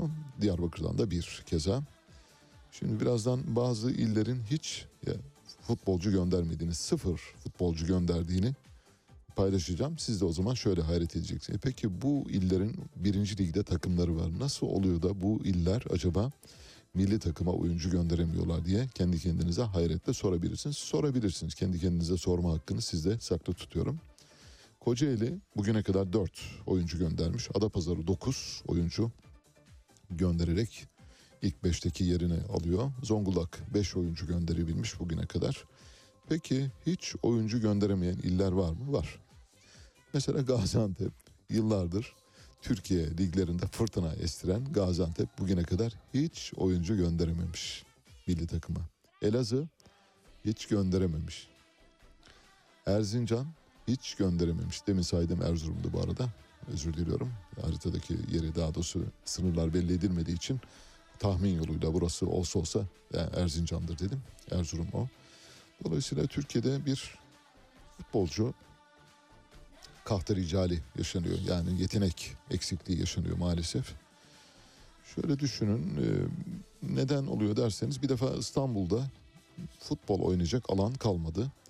İstanbul'da nizami boyutlarda yani bir futbol sahası boyutunda futbol say- sahası sayısı bir zamanlar 200 civarındaydı. Biraz düşürebilirsen Onurcuğum. Sonra bu yıllarda geride bıraktığımız yıllarda 80'e kadar geldi. Yani son 20 yılda 20 yıldan bahsediyoruz bu arada. 200'den 80'e indi futbol sahası. Yarıdan daha fazla inmiş durumda. 22 bin çocuğa İstanbul'da bir saha düşüyor sadece. 22 bin çocuğu bir sahaya yan yana dizseniz yani e, dirsek teması dizseniz sığmaz öyle söyleyelim. Türk futbolunun uluslararası rekabette başarı seviyesi de giderek azalıyor. FIFA dünya sıralamasında epey bir aşağılardayız bunu biliyorsunuz. Eğer Almanya'da doğan bir e, Türk genciyseniz Süper Lig'de oynama ihtimaliniz İstanbul'da doğan bir gence göre 6 kat fazla. Şimdi o da Türk bu da Türk. Acaba oradaki Türkler neden 6 kat daha fazla oynama şansına sahip? Türkiye'de doğanlar neden daha az? Çünkü bir disiplinle yetiştiriliyor. Orada Almanlar futbola yatırım yapıyorlar. Futbol altyapısına yatırım yapıyorlar. Türkiye'de hasbel kader. Ha, bu çocuktan olur ya da bu çocuktan olmaz diye. Örneğin bu çocuktan olmaz dediğiniz çocuklardan bir tanesi Mesut Özil Fenerbahçe'ye gelmiş yıllar önce biliyorsunuz. Demişler ki Fenerbahçe o dönem yönetimi kimse bilmiyorum. Demiş ki ya böyle böyle bu futbolcu olmaz ki bu solucan gibi bir çocuk demiş ya. Bundan futbol yok abi olmaz. Yok yok bacım sen git sen biraz büyü gel. Biraz şişmanla senin bacaklar falan çöp gibi olmaz abi lütfen abi. Tamam mı? Şimdi sen git bak biraz biraz şey beni dinle ya. Ben bu işi yıllardır yapıyorum. Yani bu bu saçları değirmende artmadık. Git sen biraz şey yap kaslarını güçlendir bak. Koşamazsın sen yani iki koşarsın üçüncüde düşersin dedikleri Mesut Özil'den bahsediyoruz. Türkiye'de futbolcu böyle seçiliyor maalesef. Yani kasaptan et alır gibi. Yaklaşık iki buçuk milyon Türk'ün yaşadığı Almanya 15 milyon nüfusa sahip İstanbul'un aynı sayıda oyuncu göndermesiyle maruf. İstanbul ne kadar oyuncu gönderiyorsa milli takıma 1,5 milyon Türk'ün yaşadığı ya da 2 2,5 milyon civarında Türk'ün yaşadığı Almanya'da aynısını gönderiyor. Bu Almanların içine diğer e, Avrupa ülkelerinde yaşayanları da kast- katarak söylüyoruz. İsviçre'de yaşayanlar var. 1923'ten 2020'ye kadar 80 ilin toplamından fazla milli futbolcu yetiştiren İstanbul artık futbol oynayamıyor. Bunu belirtmiş olalım. Türkiye'ye futbolun geldiği ilk şehir olan ve sporun özellikle de futbolun lokomotifi İstanbul bugün Türkiye'nin en üst düzey futbol liginde 8 takımı var. Ama toplamda bugüne kadar 63 futbolcu göndermiş milli takıma ve futbol sahalarının sayısı da yüzde, yüzde 50'den fazla azalmış durumda. Türk futbol ekonomisini çekip çeviren bir şehrin sokaklarında artık kimse futbol oynayamıyor. Brezilya'ya gidin mesela sokak aralarında hala çocukların futbol oynadığını görürsünüz. Arjantin'e gidin yani toprak sahalarda oynarlar. Türkiye'de çocuklar oynayacak toprak sahada bulamadıkları için futbolumuz geriliyor maalesef. 1954 Dünya Kupası'na giden milli takımda 11 İstanbul doğumlu futbolcu vardı. Şimdi rakamı bugüne getiriyorum 54'ten 2002'ye. Yaklaşık yarım asır sonra 2002'de Dünya Kupası'nda 3. olan A milli takımla İstanbul'dan sadece 19 futbolcu gidiyor. Bunun 7'si İstanbul'da. Yani 2002'den 1954'e doğru geriye doğru retrospektif yaptığımızda İstanbul'un yetiştirdiği futbolcu sayısı azalıyor. Nüfusu artıyor. Nüfusuyla ters orantılı biçimde gönderdiği futbolcu sayısı azalıyor. Euro 2020'ye giden A milli takım kadrosunda bu sayı sadece 2 bu arada. Zaten Euro 2020'de sıfır çektik bildiğiniz gibi. Antalya, İzmir, Kocaeli ve Trabzon'la eşit hale geldi. İstanbul artık İstanbul onların gerisinde kaldı. Bursa'nın e, bile gerisine düştü 2020 itibariyle. 10 bin saat çalışmak gerekiyor bir konuda uzman olmak için. Yani iyi bir atıcı olmak için, iyi bir yüzücü olmak için, iyi bir tramplenci olmak için, minimum iyi bir pilot olmak için keza aynı şekilde 10 bin saat mesai vermeniz lazım. 10 bin saat burada bir kriter. 10 bin saat boyunca bir şeyi düzenli olarak yaptığınız zaman virtüöz olabiliyorsunuz. Tabii yeteneğiniz varsa. Yani yeteneğiniz yoksa 100 bin saatte çalışsanız olmuyor. Ama yeteneğiniz varsa yeteneğinizi gelişkin hale getirebilmeniz için minimum 10 bin saat. Hani böyle piyanistler geliyor çalıyor falan filan. Diyorsun ki abi ne var ya işte notalara basıyor falan. Öyle değil işte orada 10 bin saat gibi bir kavram var. Her birinin 10 bin saat çalışıp çalışmadığını bilmiyorum. Örneğin fazla say muhtemelen daha az çalışarak bu noktaya gelmiştir ama iyi bir piyanist, iyi bir gitarist, iyi bir cellocu olmak istiyorsanız buna bu düzen, bu şeyden geçmek zorundasınız. Elit kategorisine ulaşmak için 15 yıldan daha fazla süre futbol oynamanız gerekiyor futbola başlamak için. Örneğin Portekiz ve Slovakya'da regüle edilmiş yaş grubu 6. Yani Portekiz ve Slovakya'da futbola başlama yaşı 6. Hırvatistan ve Sırbistan'da futbola başlama yaşı 8. Türkiye'de futbola başlama yaşı 11. Bu, şu, bu arada bir not olarak belirteyim. Sırbistan şu anda dünyada en fazla dünyaya en fazla futbolcu ihraç eden ülkeler arasında yer alıyor. İstanbul'da 0-19 yaş aralığında 2 milyondan fazla çocuk var, genç var.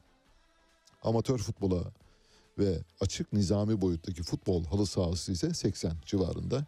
Yani saha başına düşen çocuk sayısı 22 bin. Dünyanın en çok futbolcu ihraç eden ülkelerinden biri olan Sırbistan'a bakınca 350 bin nüfusu Novi Sad kentinin futbol kulübü olan Vojvodina 5 nizami sahaya te- sahip ayrıca Partizan'ın teleoptik spor merkezi 100 bin metrekarelik bir alanda kurulmuş durumda.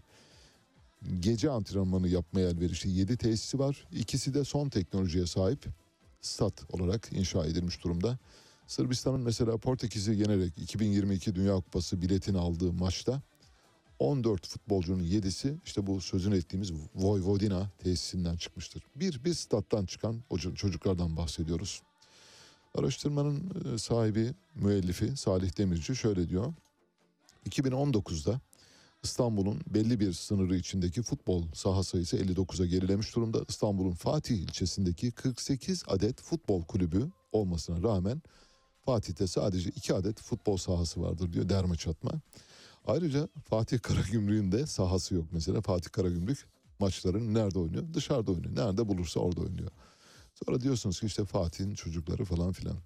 Bugün bir duvar karşısında eğer düzenli olarak top oynarsanız yani bir partneriniz olmadan yani duvara pas atıp oynamaya kalkarsanız bir süre sonra bu bir sizde meleke, yetiye dönüşüyor ve futbolcu haline gelebiliyorsun. Hani ya işte imkan yoktu, olmadı, oynayamadık işte bizi kimse öğretmedi falan diye düşünüyorsanız eğer bizi dinleyen çok küçük çocuklar varsa bu arada çocuklara seslendiğimizi biliyoruz çünkü pek çok izleyicimiz e, kız erkek çocuklarıyla sabahları işe giderken ya da okula giderken çocuklarını yanına alıyorlar. Pek çok e, bireyden gelen e, mesajdan biliyorum mesela 8, 10, 12 yaşında çocuklar e, açın diyorlarmış işte seyir halini dinlemek istiyoruz diye. Babalar üzerinde tazik oluşturuyorlarmış. O yüzden çocuklara söyleyelim. Mesela bir duvarın karşısına geçip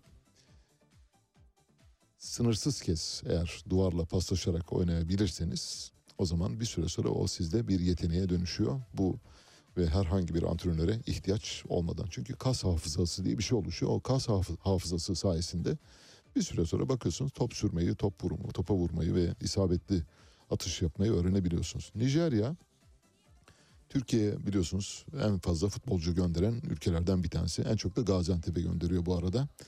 Türkiye'nin tüm dünyaya yolladığı futbolcu sayısından daha fazla. Türkiye'nin 84 milyonluk Türkiye'nin dünyaya gönderdiği futbolcu sayısı Nijerya'nın Türkiye'ye gönderdiği futbolcu sayısından daha az. Nasıl? Aradaki orantıyı görebildiniz mi? Aradaki farkı.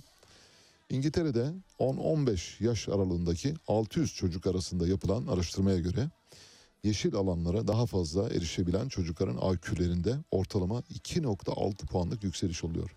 Şimdi çocuklar toprak sahada, yolda, şurada burada oynayabilirler, duvara karşı oynayabilirler dedik ama yeşil sahada oynamanın IQ gelişimine katkı sağladığı ampirik olarak kanıtlanmış durumda. 2.6 puan çocuk daha zeki hale geliyor. Oyunda daha kıvrak hale gelebiliyor. Sosyal zekası da gelişiyor bu arada.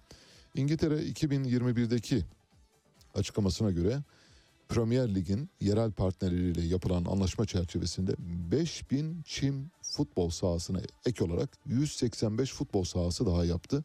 Ve bunun için sadece bir yılda 50 milyon sterlin kaynak ayırdı. Londra'da saha sayısı 1500'e gerileyince İngilizler hemen hareketi geçti. Nitekim İngiliz futbolunun gerilediğini görüyorsunuz. İngiliz futbolunun gerilediğini son Dünya Kupası'nda gördük. Fransız futbolunun da gerilediğini, İtalyan futbolunun da gerilediğini gördük. Yükselen futbol hangisi? Sırbistan futbolu yükseliyor, Hırvatistan futbolu yükseliyor, Brezilya, Arjantin futbolu yükseliyor. Türk futbolu geriliyor ve Türk futbolunun geldiği nokta hakikaten işler acısı bir durumda. Evet böylece futbol dosyasında bitirmiş oldu. Şimdi bir küçük e, dosya paylaşacağım. Bu dosya elbette herkesi çok yakından ilgilendirmiyor ama merak edenler hani bu gibi durumlarda acaba nasıl önlem alabilir? Örneğin diyelim ki çok önemli bir insansınız. Kendinizi önemli addediyorsunuz. Herkes kendini önemli addeder bu arada. Yani kimse kendini böyle şey ben sıradan işe yaramaz bir adamım demez. Zaten demeyin ayrıca. Yani kendinizi mümkün olduğu kadar önemseyin ama öneminizin farkına varın lütfen. Hani ne kadar önemli olduğunuzu test ettiğiniz zaman, gördüğünüz zaman işte o sınırınız oradadır. Eğer sizi birisi lazer kullanarak takip ediyorsa lazeri anlama şansınız var. Lazeri nasıl anlayacağınıza dair bir kılavuz paylaşacağım şimdi. Diyelim ki izleniyorsunuz ve bir güven probleminiz var. Gittiğiniz bir ortak alanda sizin görüşmelerinizi ya da hareketlerinizi kaydettiklerini düşünün. Yani bir laser kamerayla sizin izlendiğinizi düşünün eğer bir şüpheniz varsa. Bu durumda laserla izlenip izlenmediğinizi anlamanız mümkün. Ne yapacaksınız? Cep telefonunuzu çıkaracaksınız. Ama ortamın biraz böyle hafif karanlık olması lazım. Yani gün ışığında cep telefonu kameraları laser şualarını yakalayamıyor. Eğer ortam biraz karanlıksa cep telefonu kameraları bazı telefonların ön kamerası yakalıyor. Bazı telefonlarda da selfie kamerası dediğimiz arka kamera yakalıyor. Eğer ön kamerayla yakalayamazsanız arka kamerayla mutlaka yakalarsınız. Şimdi diyeceksiniz ki ya biz laser'ı nereden bulacağız? Hadi takip edilmiyoruz ama laser'ın olup olmadığını nereden? Çok kolay. Evdeki televizyonlar ve bilgisayarlar biliyorsunuz laser yayınlar. Mesela cep telefonunuzu odayı karartın, odaya girin ve telefonu e, televizyonu açın.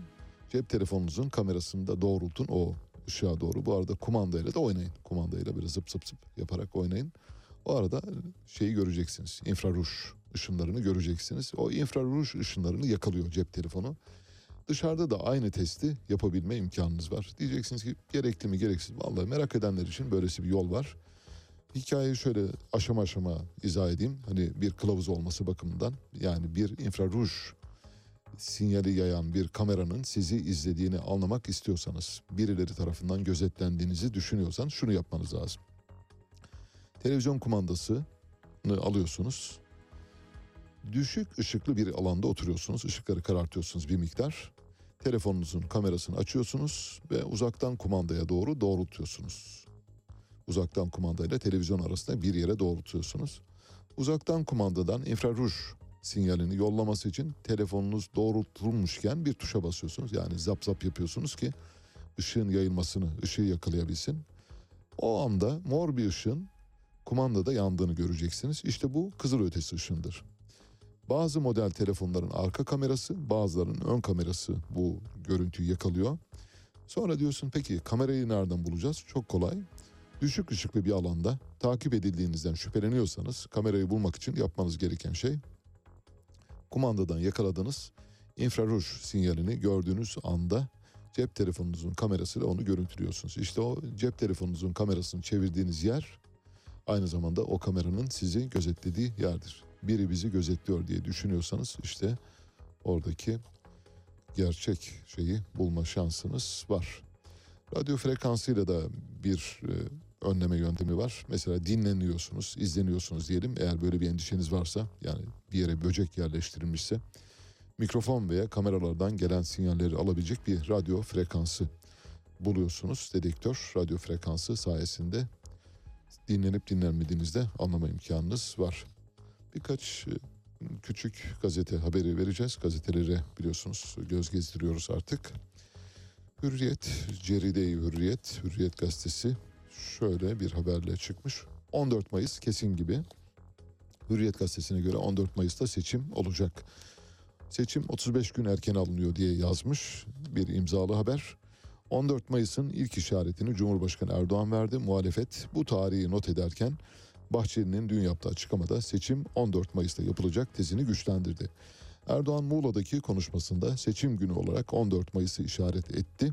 AK Parti MYK'da da 14 Mayıs üzerinde duruldu. Muhalefet cephesinden Kılıçdaroğlu altılı masadaki takvim 14 Mayıs'a ayarlı dedi. Dün de Bahçeli seçimi erkene almakta kararlı olduklarını söyledi. Gerekirse Erdoğan'ın yetkisini kullanarak seçimleri yenileyebileceğini bildirdi. Seçimin 18 Haziran'dan önceye alınması için 360 milletvekilinin oyu gerekiyor. Kulislerdeki iddialara göre Erdoğan muhalefet desteği olmadan seçimleri yenileme kararını 10 Mart'ta açıklayabilir. Bu kararın yürürlüğe girmesini takip eden 60. günde sonraki günde seçim yapılır. Yani 14 Mayıs'ta seçim yapılır. Eğer ikinci tura kalırsa bu defa 28 Mayıs'ta ikinci tur yapılır diyor. Seçim takvimi bildiğiniz gibi 60 gündür. 60 gün sonra sandığa gidiliyor. Peki böylece bugünkü gazete turumuzu tek gazeteyle gazetelerin gazetesi, gazetelerin amirali gemisi Hürriyet, Ceride-i Hürriyet'le tamamlamış olduk ama verdiğimiz haber herhalde öyle sade suya tirit. Yani şu anda sokakta konuşulan şeyleri almış manşete çekmişler. Çünkü haber yapma gibi bir kaygıları yok maalesef. Peki skuter meselesine bakacağız dedik. Skuter meselesi Kadıköy'de başladı. Kadıköy Belediyesi skuterları toplatıyor. Skuter şirketlerine haber verildi. Gelin araçlarınızı toplayın. Toplamadığınız takdirde onları biz toplayacağız dediler. Nitekim dün demir kesme testereleriyle zincirleri e, kesilerek skuterlar toplandı. Bu olağan dışı vandal bir yöntem. Bu yöntemde olmayacağını biliyoruz. Ortada bir çözüm yöntemi olması gerekiyor. Çözüm yönteminin adı şu. Bir defa skuter önemli bir ihtiyaca cevap veriyor. Toplu taşımada özellikle gençlerin e, önemli ölçüde rağbet ettiği bir e, araç ve bu araçların yürürlükten kaldırılması isteniyor. Bir yıldırma hareketi var. Bu yıldırma hareketine karşı biz de kendilerine bir söz hakkı verelim dedik. Mikro Mobilite Teknolojileri Derneği Başkanı Mehmet Akif Kütük şu anda telefon attığımızda. Mehmet Akif Bey hoş geldiniz. Hoş bulduk Ali Bey. İyi yayınlar. Merhabalar. Çok teşekkürler. Ee, söyleşiye başlamadan önce sizden yana olduğumu belirterek başlayayım. Ondan sonra hani rahat konuşun diye. Çünkü e, bu gerçekten olabilecek bir şey değil. Hani işte olmadı yasaklayalım, olmadı e, engelleyelim, olmadı e, vazgeçelim gibi bir noktada. Türkiye'de maalesef pek çok şey böyle yürüyor. Önemli bir ihtiyaca cevap veriyor. Bunu biliyoruz. Elbette bir e, anarşi de var. Onu da biliyoruz. Ama bu anarşiye son verilmesinin yolu e, yasaklamaktan geçmiyor. Şimdi siz bize İstanbul'daki 10 dakika vaktimiz var. Durumu anlatmanızı, diğer kentlerde de bazı e, şirketlerin araçları var onu da biliyoruz.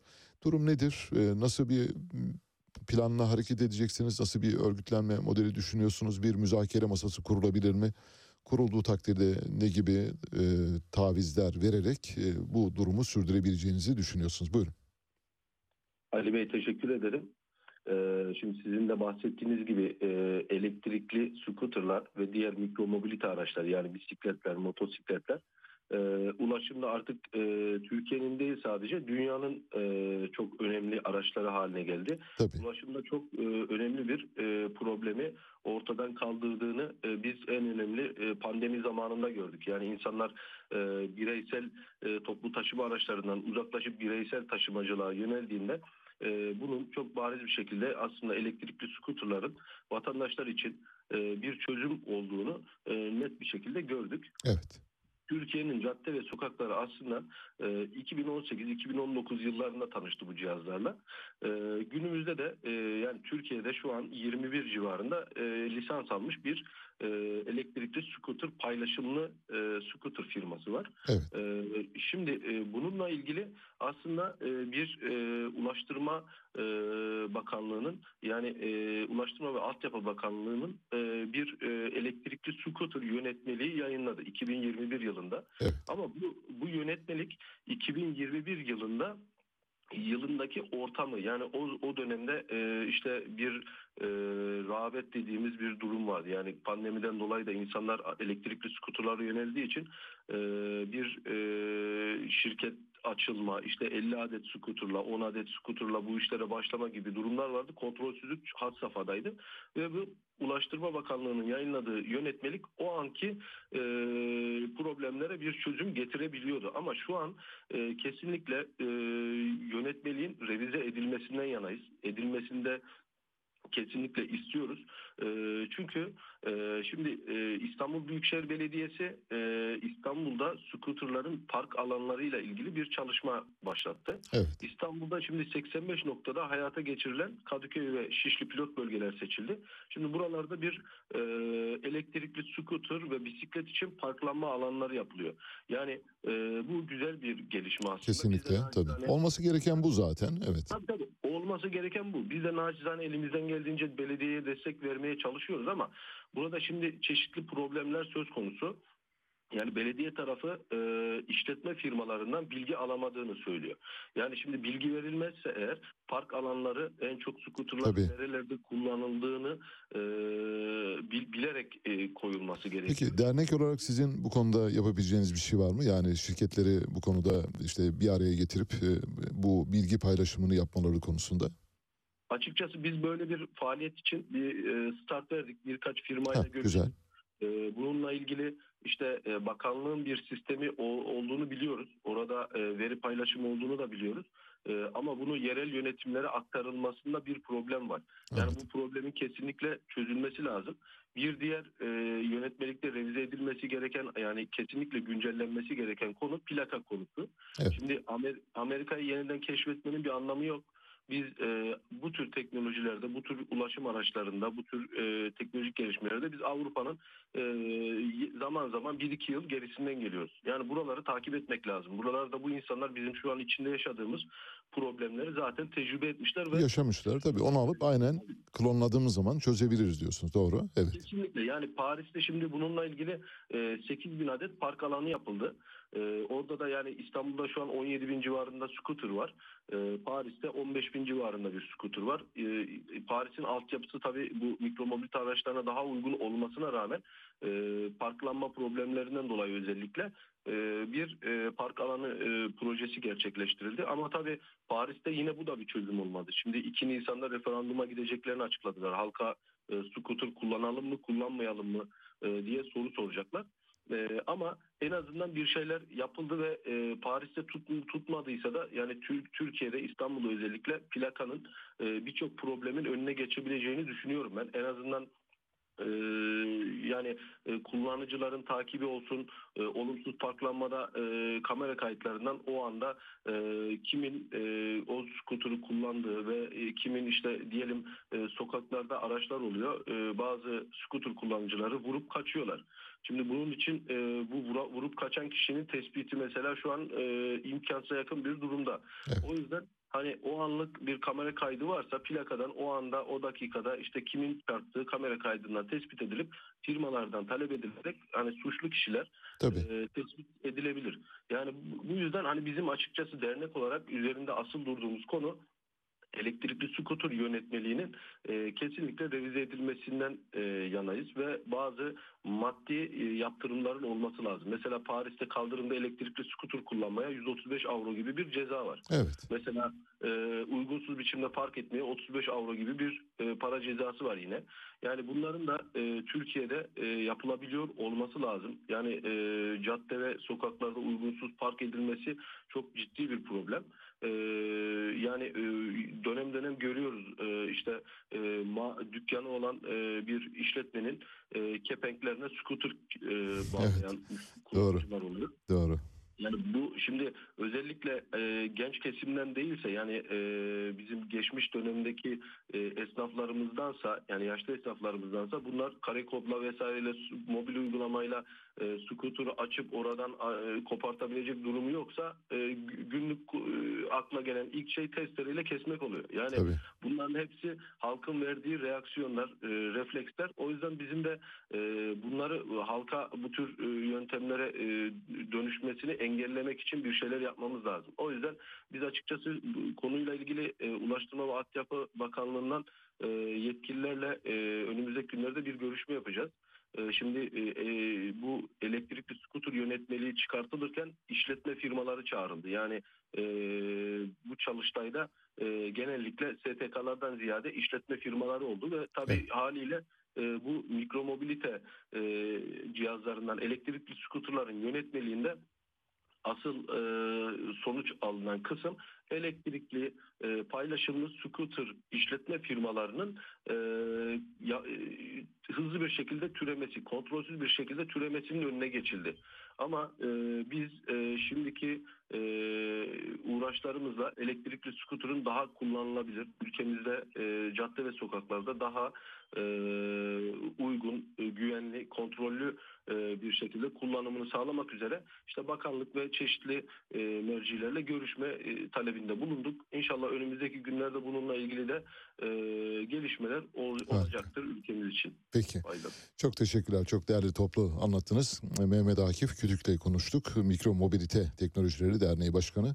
Söyledikleri son derece açık. Bir defa bir toplanma alanları yapılması gerekiyor. Yani parklanma alanı oluşturulması gerektiği belirtiliyor. Tabii bunun da belli aralıklarla ve makul aralıklarla yapılması gerektiğini ifade ediyor. Ayrıca kaldırımlarda seyahat eden ya da kural ihlali yapan sürücülere ceza kesilmesiyle ilgili uygulamaların da getirilmesi gerektiğini ifade ediyor ve mümkün olduğu kadar e, yönetmeliğin revize edilmesi e, yönünde görüş bildiriyor. Bitirdik. Bugünün de sonuna geldik. Bu programı kumanda masasında Onur Er, editör masasında Doru Kurgancı ve Harun Erozbağ'la birlikte gerçekleştiriyoruz. Yarından itibaren Doru Kurgancı aramızda olmayacak. Harun'la yolumuza devam edeceğiz. Birazdan Mehtap Yenidoğan saat başı haberlerle karşılayacak size bugün. Farklı bir müzik tarzı seçtik. Tobias Gustafsson söylüyor. Passage Grave.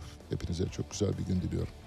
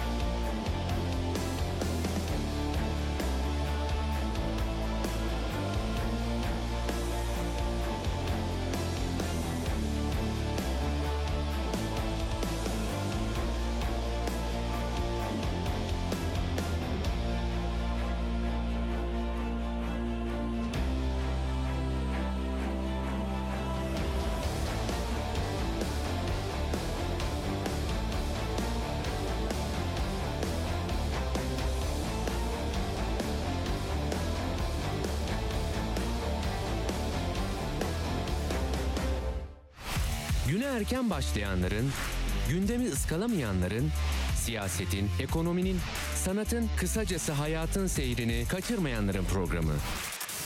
Ali Çağatay'la Seyir Hali hafta içi her sabah 7'den 9'a Radyo Sputnik'te.